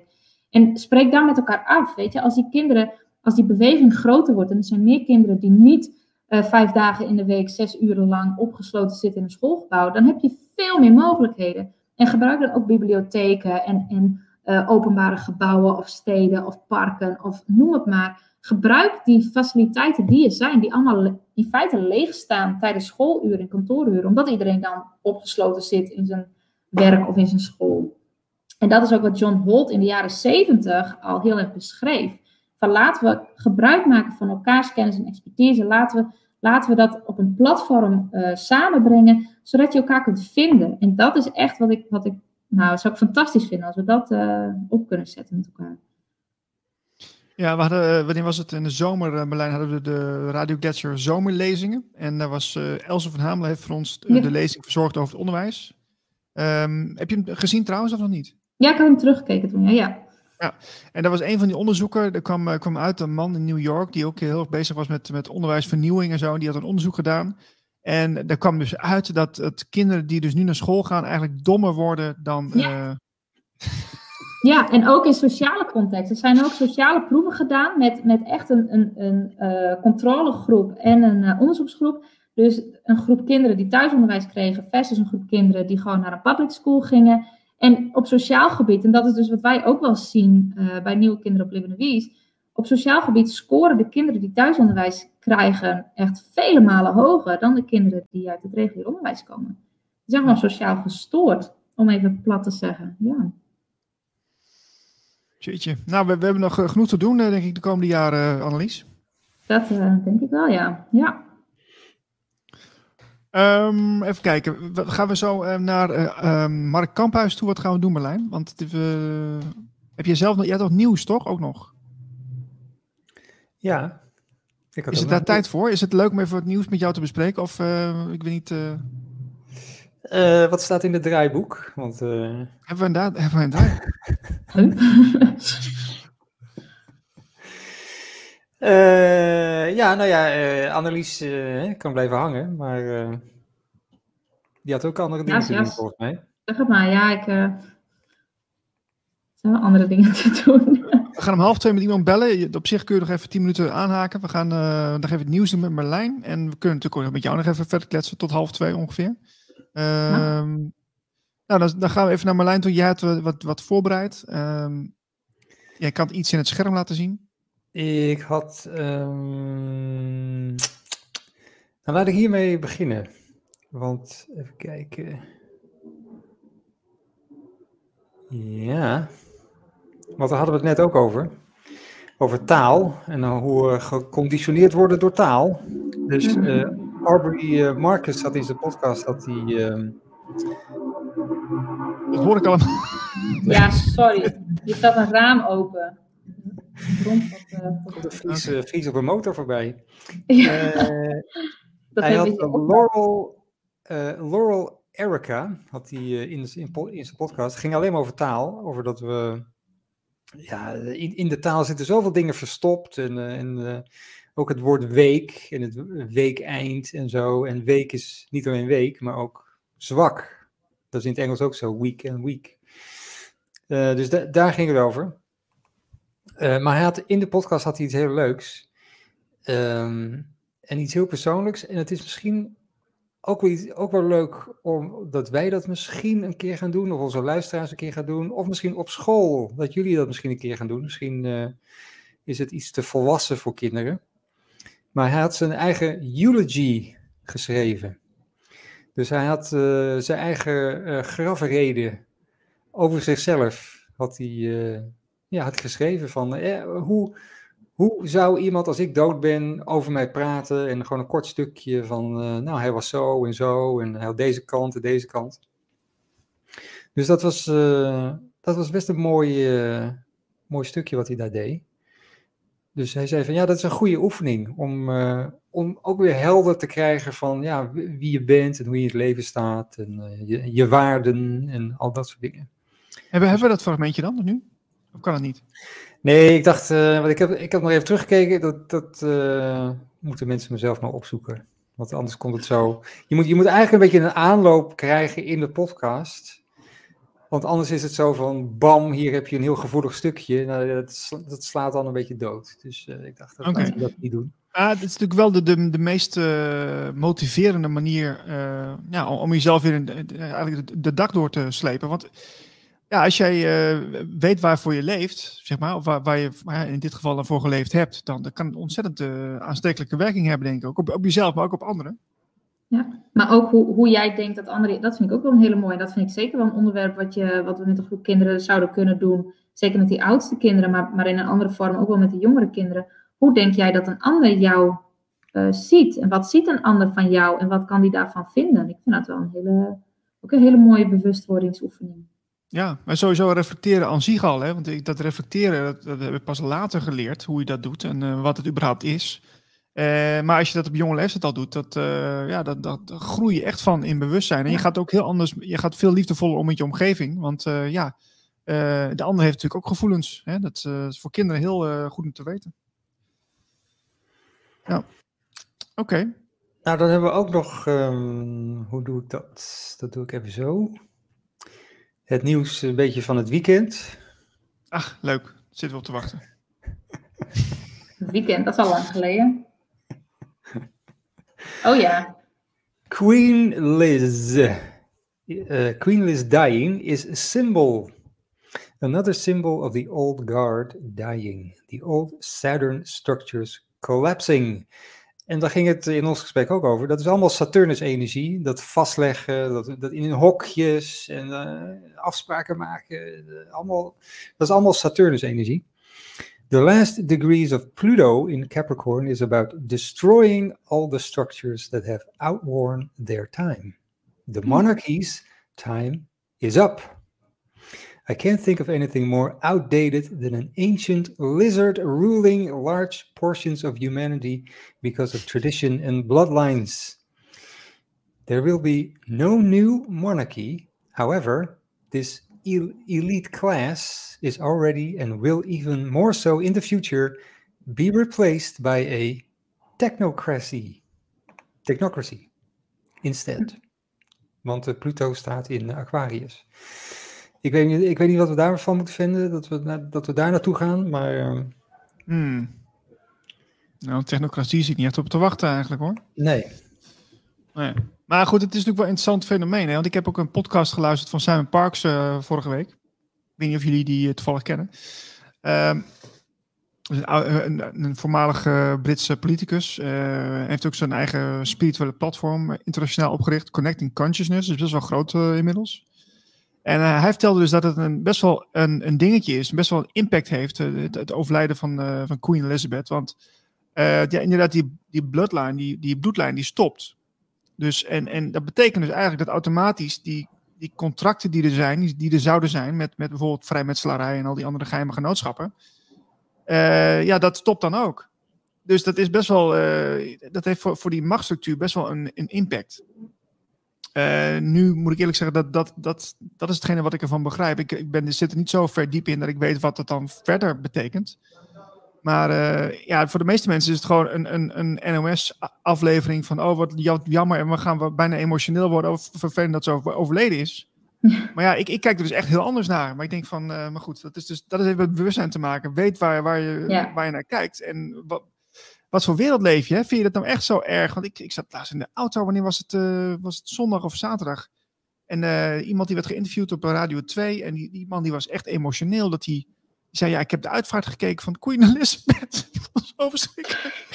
Dit, eh, maar dat is echt zo. Dat is, dus, ja, die, die man die was oprecht en ik vond het ook wel weer heel sneu. En, en ja. Ja, ook, ook wel mooi, mooi dat is zo ja. mee, ja, dat is zo meeleeft. Ja, Het, is, het, is, het is beide. Ik heb het een beetje beide. Ik van, oh jongen toch, en je vond het dan echt erg. En, maar weet je wel over wie je het hebt? Weet je dat wel? Ja, dan, nou, dat wordt natuurlijk niet gevraagd. Het wordt alleen maar in de emo-sfeer wordt het doorgezet op, op die zender. Maar uh, ja, met verbijstering heb ik zitten luisteren. Het is uh, die, die wereld, waar, waar, die, die, die parallele wereld waar wij mee bezig zijn. Ja, die, die, die, die kloof die wordt alleen maar groter. Ik, ik, je kunt het, het, is net alsof je elkaar echt niet meer begrijpt, een andere taal spreekt. Hè? Gewoon letterlijk. Ja. ja. Hoe, hoe, ga je met Liebe de Wies daar eigenlijk ook mee om, uh, met, met dit soort dingen? Wordt er ook al over gesproken? Nee, eigenlijk niet. Nee, het is wel, hè, als, het, als het besproken wordt, dan is het van, oh ja, dat is zo. We hangen daar, ja. we proberen daar zo weinig mogelijk oordeel in te hangen. Maar goed, weet je, thuis uh, wordt er ook op een bepaalde manier natuurlijk over zulke nieuwsitems gesproken.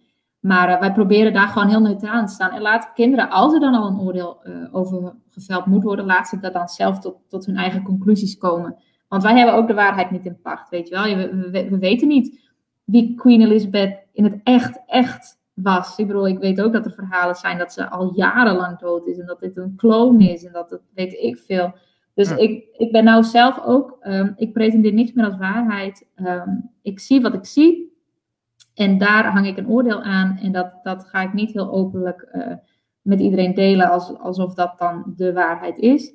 Maar ik zou het wel heel tof vinden als we of dat, dat we nog alles te weten komen in dit leven, of wanneer dit leven voltooid is, dat we dan uh, alle geheimen en alle dingen achter de schermen komen te weten.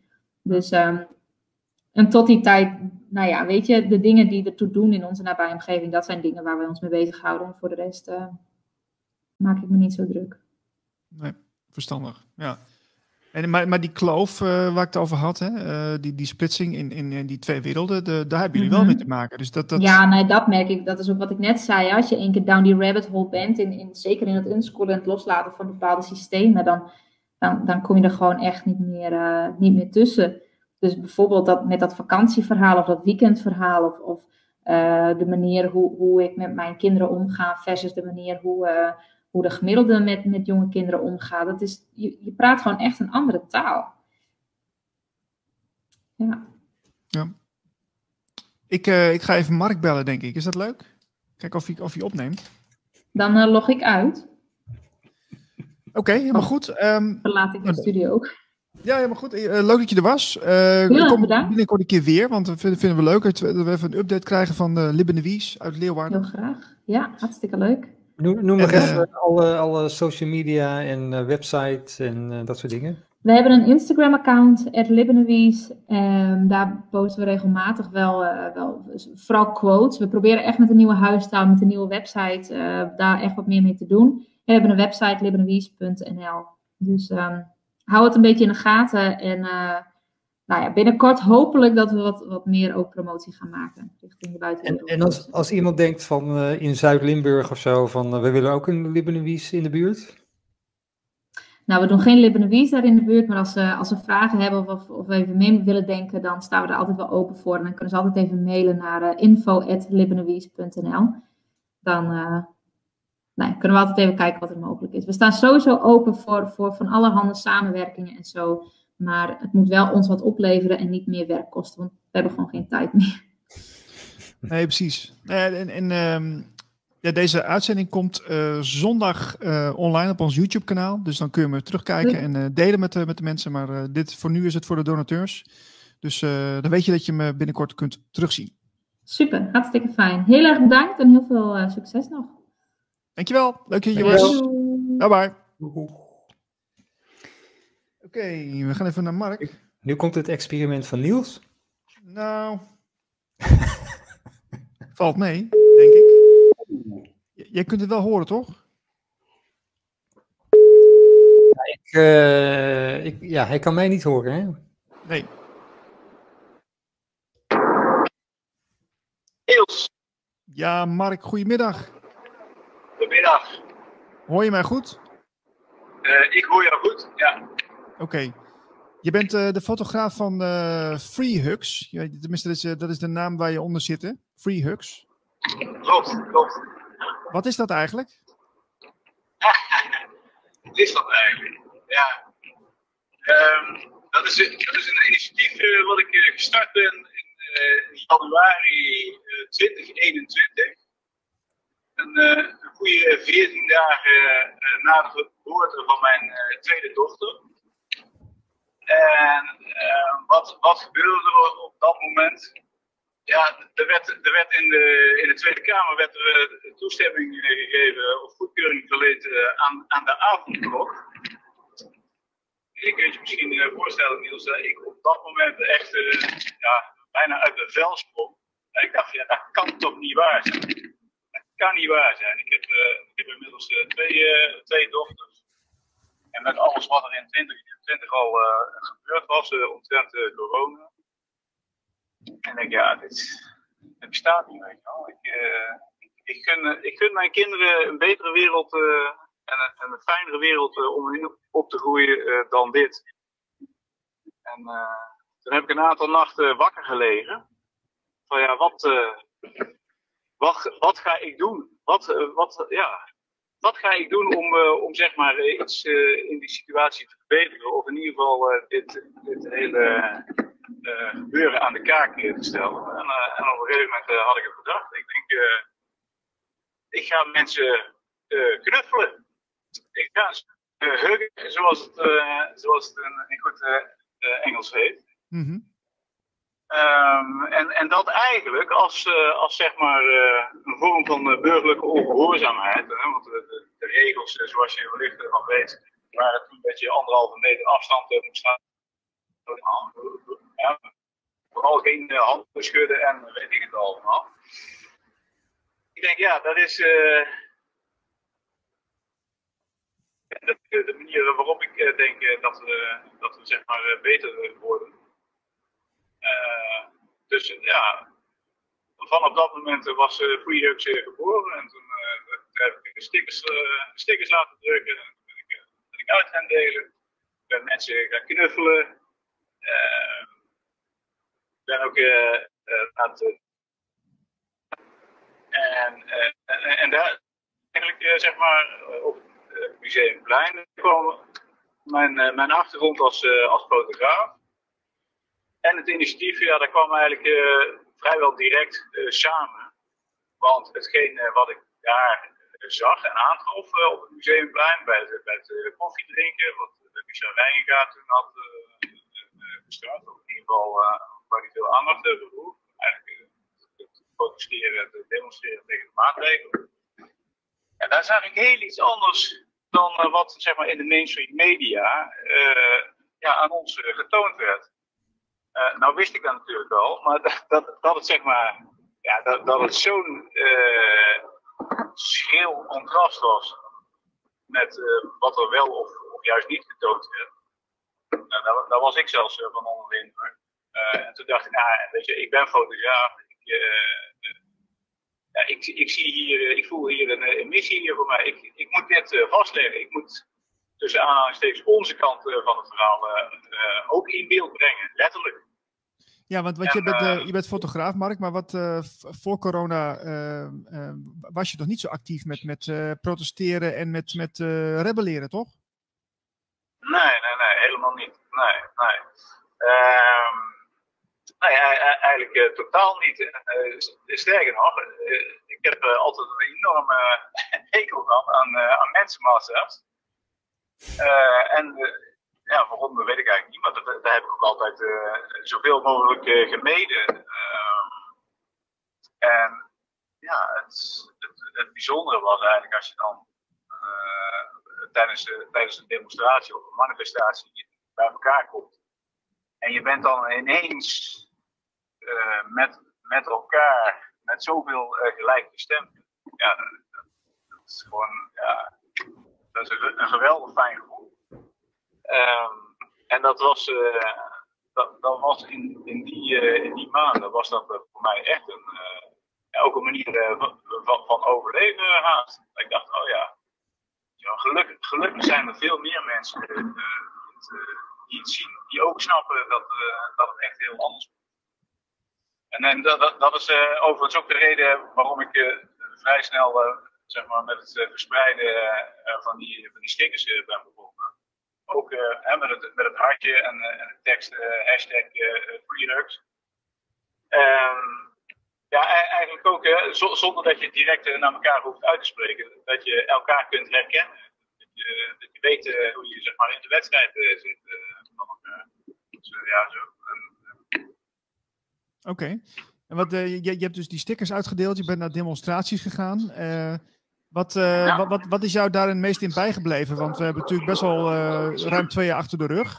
Wat, wat, is het, uh, wat is jou het meest bijgebleven van die tijd? Ehm, nou, wat, wat, ik net al een beetje aangaf, dat, dat het, het inderdaad zeg maar, onder gelijkgestemden zijn, dat, dat was echt iedere keer een verademing. want, kijk, ik woon dan in, in Etteleur in de nabijheid van, van PDA. En daar, daar had ik echt een idee van. Ik ben de enige die het, het compleet anders ziet. Want iedereen ja, die, ging maar mee in dat, in dat gekke verhaal en die belachelijke mondkapjes en, en ga ze maar door. Ja, en ik had zoiets van, ja, maar dat, kan niet waar zijn. En, en hou me ten goede, hè. Ik, uh, in, in april van, van 2020, uh, of iets daarvoor, zeg maar het, het virus in Nederland ook aangetroffen. Ik, ik was oprecht bang. vervolgens raakten we in die, in die lockdown. en die tijd, dat, was ik geloof zes of negen weken, ik weet het al niet eens uh, ja, ben ik echt uh, internet gaan afstruinen. Heb ik alles gelezen en gekeken wat, wat, wat, ik maar kon vinden uit allerlei bronnen over, over corona. En, en eigenlijk met, met het eerste interview van, van Willem Engel bij Café Weltsmets, kanaal wat ik, wat ik toen ook voor corona al volgde. had ik echt zoiets, ah, oh, weet je wel. Oh, gelukkig, het, zie je wel. Iemand met met enigszins ook een technische, inhoudelijke kijk op zaken. Ja, die, die, vertelt, die vertelt een veel nuchterder verhaal en een, en naar mijn idee ook een eerlijker verhaal. Het, het zal nu wel zo afgelopen zijn, nu dat bekend wordt. Ja, ja. helaas, helaas. Dus, en ja, even terugkomend op jouw vraag, ja, wat, wat, wat is het meest bijgebleven? Nou ja, vooral, vooral dat, weet je wel, de, het, het samenkomen met gelijkgestemden. Ehm, maar aan de andere kant ook het, het ongeloof en werkelijk de verbijstering dat, ja, dat mensen nog steeds massaal niet in de gaten hebben. Dat ze gewoon dood voor de gek houden. En dat, ja, ja dat, dat, zijn, dat, zijn, dat zijn wel, uh, twee dingen die me zo het eerste weer uh, in, gedachten springen. Ja, en doet je dat ook pijn uh, als je um, ja, geliefden ziet die, of, of familiekennissen die daar nog steeds mee worstelen? Ja, zeker. Ja, ja dat, dat doet me enorm veel pijn. afgelopen, afgelopen week had ik nog een gesprek bij mijn ouders. En dan wordt het meteen heel persoonlijk. Maar daar ben ik op zich niet zo bang voor. Ehm, ik had een gesprek eh, bij mijn ouders. Eh, ik denk, eh, ik, ik moet toch eens een keer toelichten waarom dat we elkaar zo weinig zien. Want mijn ouders, zoals je misschien al verwacht inleiding, die zitten helemaal op, het verhaal van de overheid. ja, hebben zich al, ik weet niet hoe vaak, uh, laten prikken en, uh, en ga zo maar door. Ik denk, ik moet dat toch eens een keer uitspreken.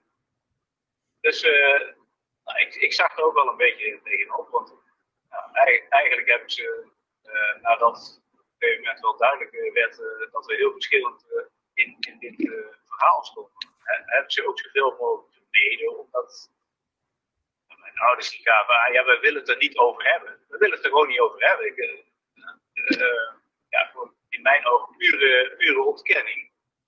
Uh, terwijl ik, zeker in de afgelopen twee jaar, me veel meer zeg maar, naar een, een levenshouding heb toegewogen. Van ja, ik wil het juist alleen maar nog hebben over dingen die echt doen. en, en fuck al die koetjes kalfjes gesprekken en, en elkaar zeg maar ja, schone schijn ophouden. Daar, daar moet ik weg van, daar heb ik niks mee. nee, je, je kunt uh, even leuk over de vakantie praten of over het weer. Uh, ja, dat, dat, dat, kan wel lekker even. Echt, uh, ja, zoals net gezegd, van, joh, ik, ik heb, ik heb twee hele jonge kinderen. Ehm, dus, dus mijn leven, ons leven, wordt zoals het leven van velen die, die niet in het overheidsverhaal meegaan, echt ja, aan alle kanten verziekt. En uh, ja, dan vind ik het dus heel raar dat je, dat je voor zo, zoiets bepalends in je leven, dat je, dan, ja, dat je daar je mond over moet houden, weet je wel. Zel, zelfs uh, nog bij je ouders, dus in, in de meest intieme kring. Uh, dus vandaar ook dat ik die keuze had gemaakt. Ja, dan, ik, heb er geen zin in. Ik, ik, ga niet, ik ga niet doen alsof mijn, uh, mijn neus bloedt. Ik ga, ik ga niet doen alsof er niks aan de hand is. Dat is, dat is overigens ook uh, een advies wat, wat ik nog steeds mensen meegeef die, die zeg maar wel een beetje hetzelfde of helemaal hetzelfde instaan als ik. Van joh, spreek je alsjeblieft uit. Ga overal als, je, als je denkt van dit klopt zeg het dan ook. Benoem het. Weet je wel, sta, gewoon ergens voor. Um, maar even, terug naar de gesprekken uh, met mijn ouders. Dus ik, ik, ja, wij hebben het daar zo over. Ik, ik, vertel dat. Uh, en ik geef ook aan van luister, ja, of, of iemand nou wel of niet in, in vaccinaties uh, gelooft of daar mee wil doen, of weet ik het allemaal. Joh laat ieder gewoon de vrijheid. Gun mij die ook. Vooral om te kunnen beschikken en beslissen over, over mijn eigen leven en mijn eigen lijf. Um, ik zeg maar, dat, dat is eigenlijk het, het ergste nog niet. Ik zeg, wat het meest schokkende en ernstige is, die verrekte QR-code. Het hele discriminatoire systeem wat daarmee is opgetuigd. En het feit dat iedereen, jullie ook, uh, daaraan meedoen.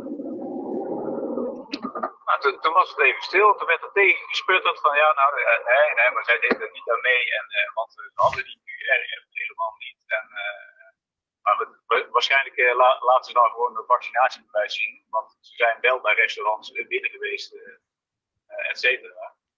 En mijn vader heeft dat amper gezegd. En hij komt gewoon met een met een verhaal uit zichzelf. Van, ja, dat, die teamcaptain is van een clubje van, uh, van, van 12 tennissen. Waarbij eentje aangaf, ja, maar ik, uh, ja, ik, ik wil me niet laten vaccineren. Ik, ik durf het niet, ik kan het niet, ik weet, niet wat de exacte reden is, maar die ging het in ieder geval niet doen. Maar op anderen van dat clubje van 12, en, en mind you, ze tennissen buiten. En het zijn dus gewoon kerels van, van 75 uh, tot, tot in de 80 jaar, die, die al jaren met elkaar tennissen.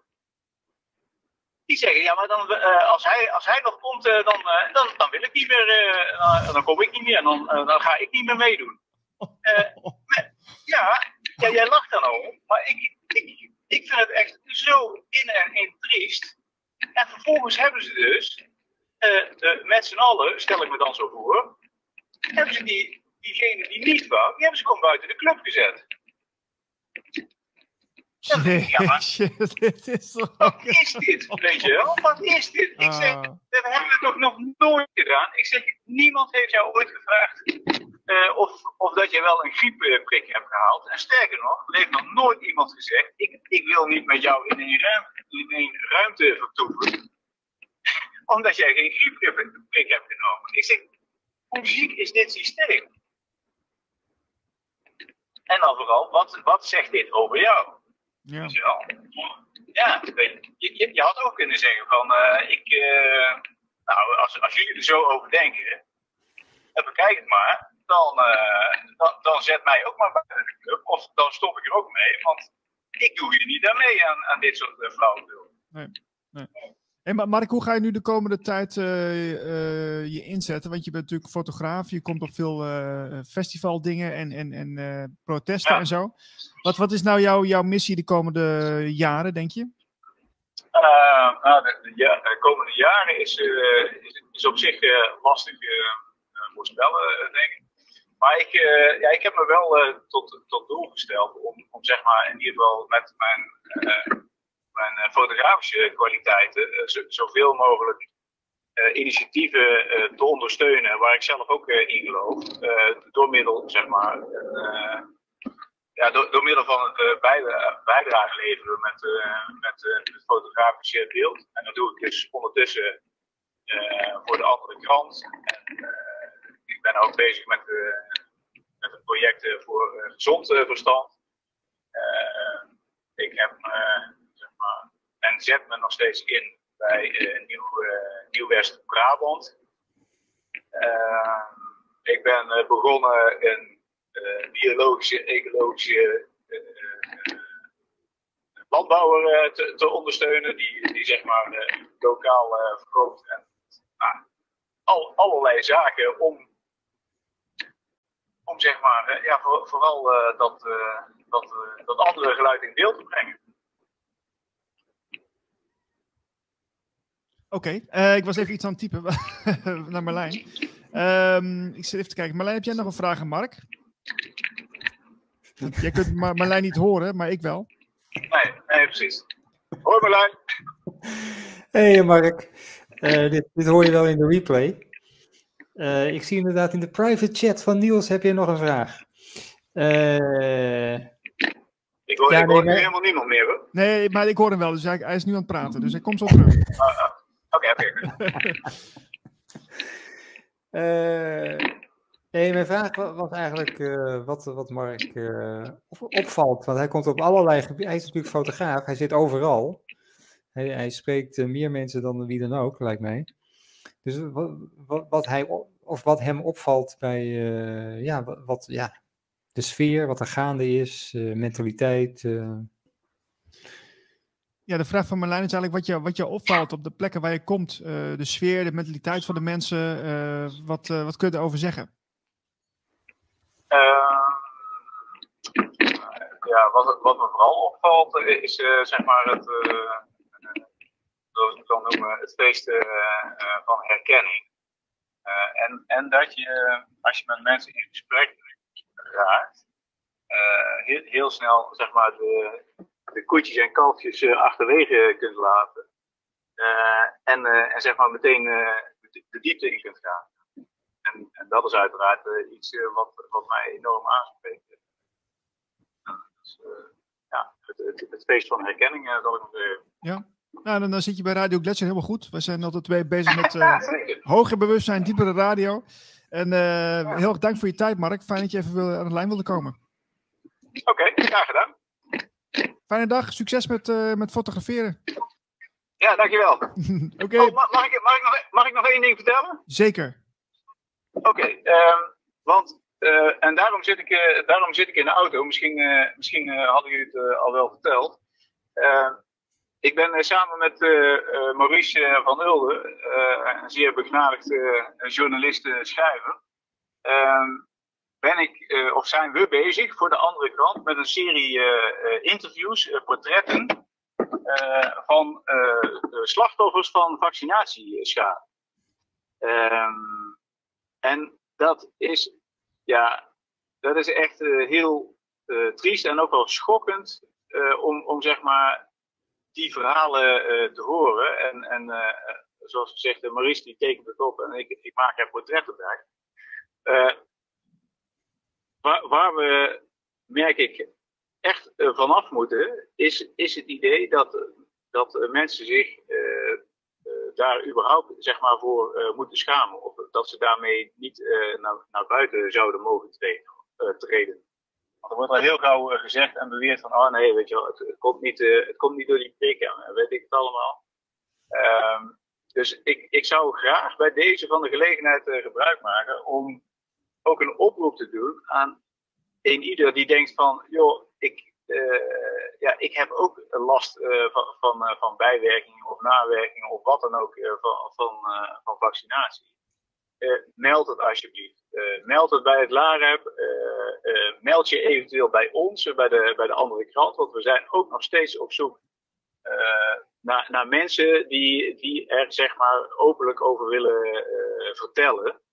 Ehm, omdat ik denk dat, wij denken dat, dat het heel erg eh, nodig is dat, dit zeg maar in de openbaarheid eh, wordt gebracht. En, eh, het, het, meest trieste aan de, aan de hele zaak vind ik nog wel, en, en dat is een beetje de rode draad die bij de interviews nu, die we al hebben gevoerd, eh, terug hoort. Dus mensen hebben het echt gedaan met, met de allerbeste bedoelingen en met het verhaal van ja, we doen het voor elkaar en, en ga zo maar door. Eh, en nu hebben ze, zeg maar, eh, ja, last. Nu hebben ze eh, lichamelijke problemen, soms, soms ne- neur- neurologische problemen, et cetera. Best heftige dingen. En iedereen, maar dan werkelijk iedereen, ook de omgeving, laat die mensen gewoon keihard vallen. En dan denk ik weer, ja, wat, wat is daar nou nog samen aan, weet je wel? Die, die Maar eh, mensen, wacht even, hoe, hoe, hoe, hoe werkt dat dan? Hoe, hoe laten vallen dan? Nou, dat uh, uh, niet, niet alleen zeg maar de, uh, de huisarts, niet, niet alleen de, de neuroloog, de, de cardioloog, ga zo maar door. Niemand wil, wil zeg maar onderkennen aan, aan de, de patiënt, aan het slachtoffer, zeg maar, van dat, dat die link er is. Men wil het niet echt onderzoeken. En het meest ja, wat ik dan heel wrang vind, is dat hè, eerst, eerst was je een, uh, van de groep, want je, je, was, uh, je was een goeie, want je, want je hebt je ook laten uh, vaccineren, et cetera. en nu gaan diezelfde mensen, die gaan tegen jou zeggen, ja, maar hè, als het in, in, in het geval van, van, een, van een vrouw die, die we erover spraken, ja, maar je hebt gewoon last van de overgang. Ja, maar je had altijd al iets. Of kortom, het, het, is echt zeg maar de olifant in de kamer. Ja. En, en, en, het is bij wijze van spreken uh, zo van, volgens mij hadden we het daarna nog over, van, uh, mag ik even een trapje van je? want dan klim ik over die, over die olifant, om te kijken wat er aan die andere kant van die olifant in de kamer staat. Maar, maar het, het gewoon verdomme om, om die olifant te benoemen. Ja. Ja. En, en uh, niemand beweert, in ieder geval niet bij de andere kant of, of van ons, van ja, het is, het is 100% één op één, dat komt door de vaccinatie. Maar met alle verhalen die, die er zo links en rechts hoorbaar zijn, is het op zijn minst de moeite waard om het serieus in overweging te nemen en echt serieus te onderzoeken. En, en, en laten dan de cijfers en de bevindingen en de, en de, en de uh, rapportage, laat die dan maar aanwijzen of, of dat er wel of geen kausaal verband is. Maar alsjeblieft, neem die mensen serieus. Laat ze niet zomaar zakken. Nee. Als mensen, ja, als, uh, ja, slachtoffers uh, met jou contact willen opnemen om, om mee te doen, hoe kunnen ze jou bereiken, Mark? Ehm, dat, dat, is, dat is een hele, hele goeie. Ehm, dan moet ik even de, de, de andere krant erbij uh, pakken van, uh, ik meen twee weken geleden. Want daar, daar hadden we namelijk uh, nog een, een oproep in geplaatst. Ehm, ja, daar, daar, daar, is, er is een speciaal, een speciaal um, e-mailadres is daarvoor aangemaakt. Volgens mij is het zoiets als de vaccinatieschade of vaccinatie. Uh, weet je, wat, weet, weet je wat, wat, je doet? Je stuur me even door, dan plakken we het er later in. Ah, oké, oké, oké. Maar Marlijn wil ook nog iets zeggen. Wat zeg jij, Marlijn? Ja, wil, wil je aan Mark uh, doorgeven? de vraag of uh, mensen die met die schade zitten, of zij nu ook uh, nog steeds het nut van die vaccinaties inzien of niet? Of zijn die... Oh ja. En, oh ja, even vraag aan jou, Mark. Eh, die mensen die die vaccinaties genomen hebben, zien die nog steeds het nut in van vaccinaties uh, überhaupt? Uh, nou, ik, ik, ik denk, Marlijn, dat, dat, we, dat we niet zozeer meer kunnen spreken of die mensen het nut ervan inzien. Die, die, hebben in, in, de gevallen die wij hebben gesproken, dusdanig veel reactie en ellende meegemaakt. En nog, ze durven het gewoon niet meer er zijn er hebben eh, die denken van ja, ik, ik dacht na de, na de tweede eh, prik van die ga ik niet overleven. Uh, anderen hebben inderdaad nog steeds dagelijkse problemen, uh, zitten in de ziektewet, kunnen, kunnen dus niet werken, moeten na een uurtje inspanning, lichte inspanning, moeten ze gewoon zeg maar, naar bed, moeten ze uitrusten, bijkomen. Dus ja,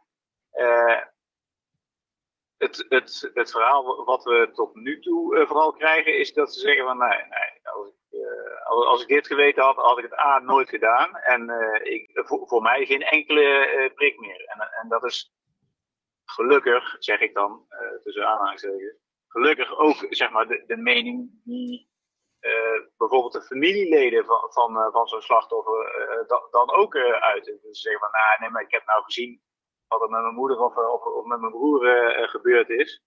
Uh, nee, ik, uh, ik, ik trap er niet meer in. Nee. Even la laatste vraag, Mark. Uh, wanneer kunnen we de portretten lezen over de vaccinatieschade uh, in de andere krant? Um, dat is een goede. Dat uh, wordt naar alle waarschijnlijkheid de, de eerste week van oktober. ofwel de laatste week van, van september. Dus dat, dat, is op zich al, al redelijk, redelijk snel.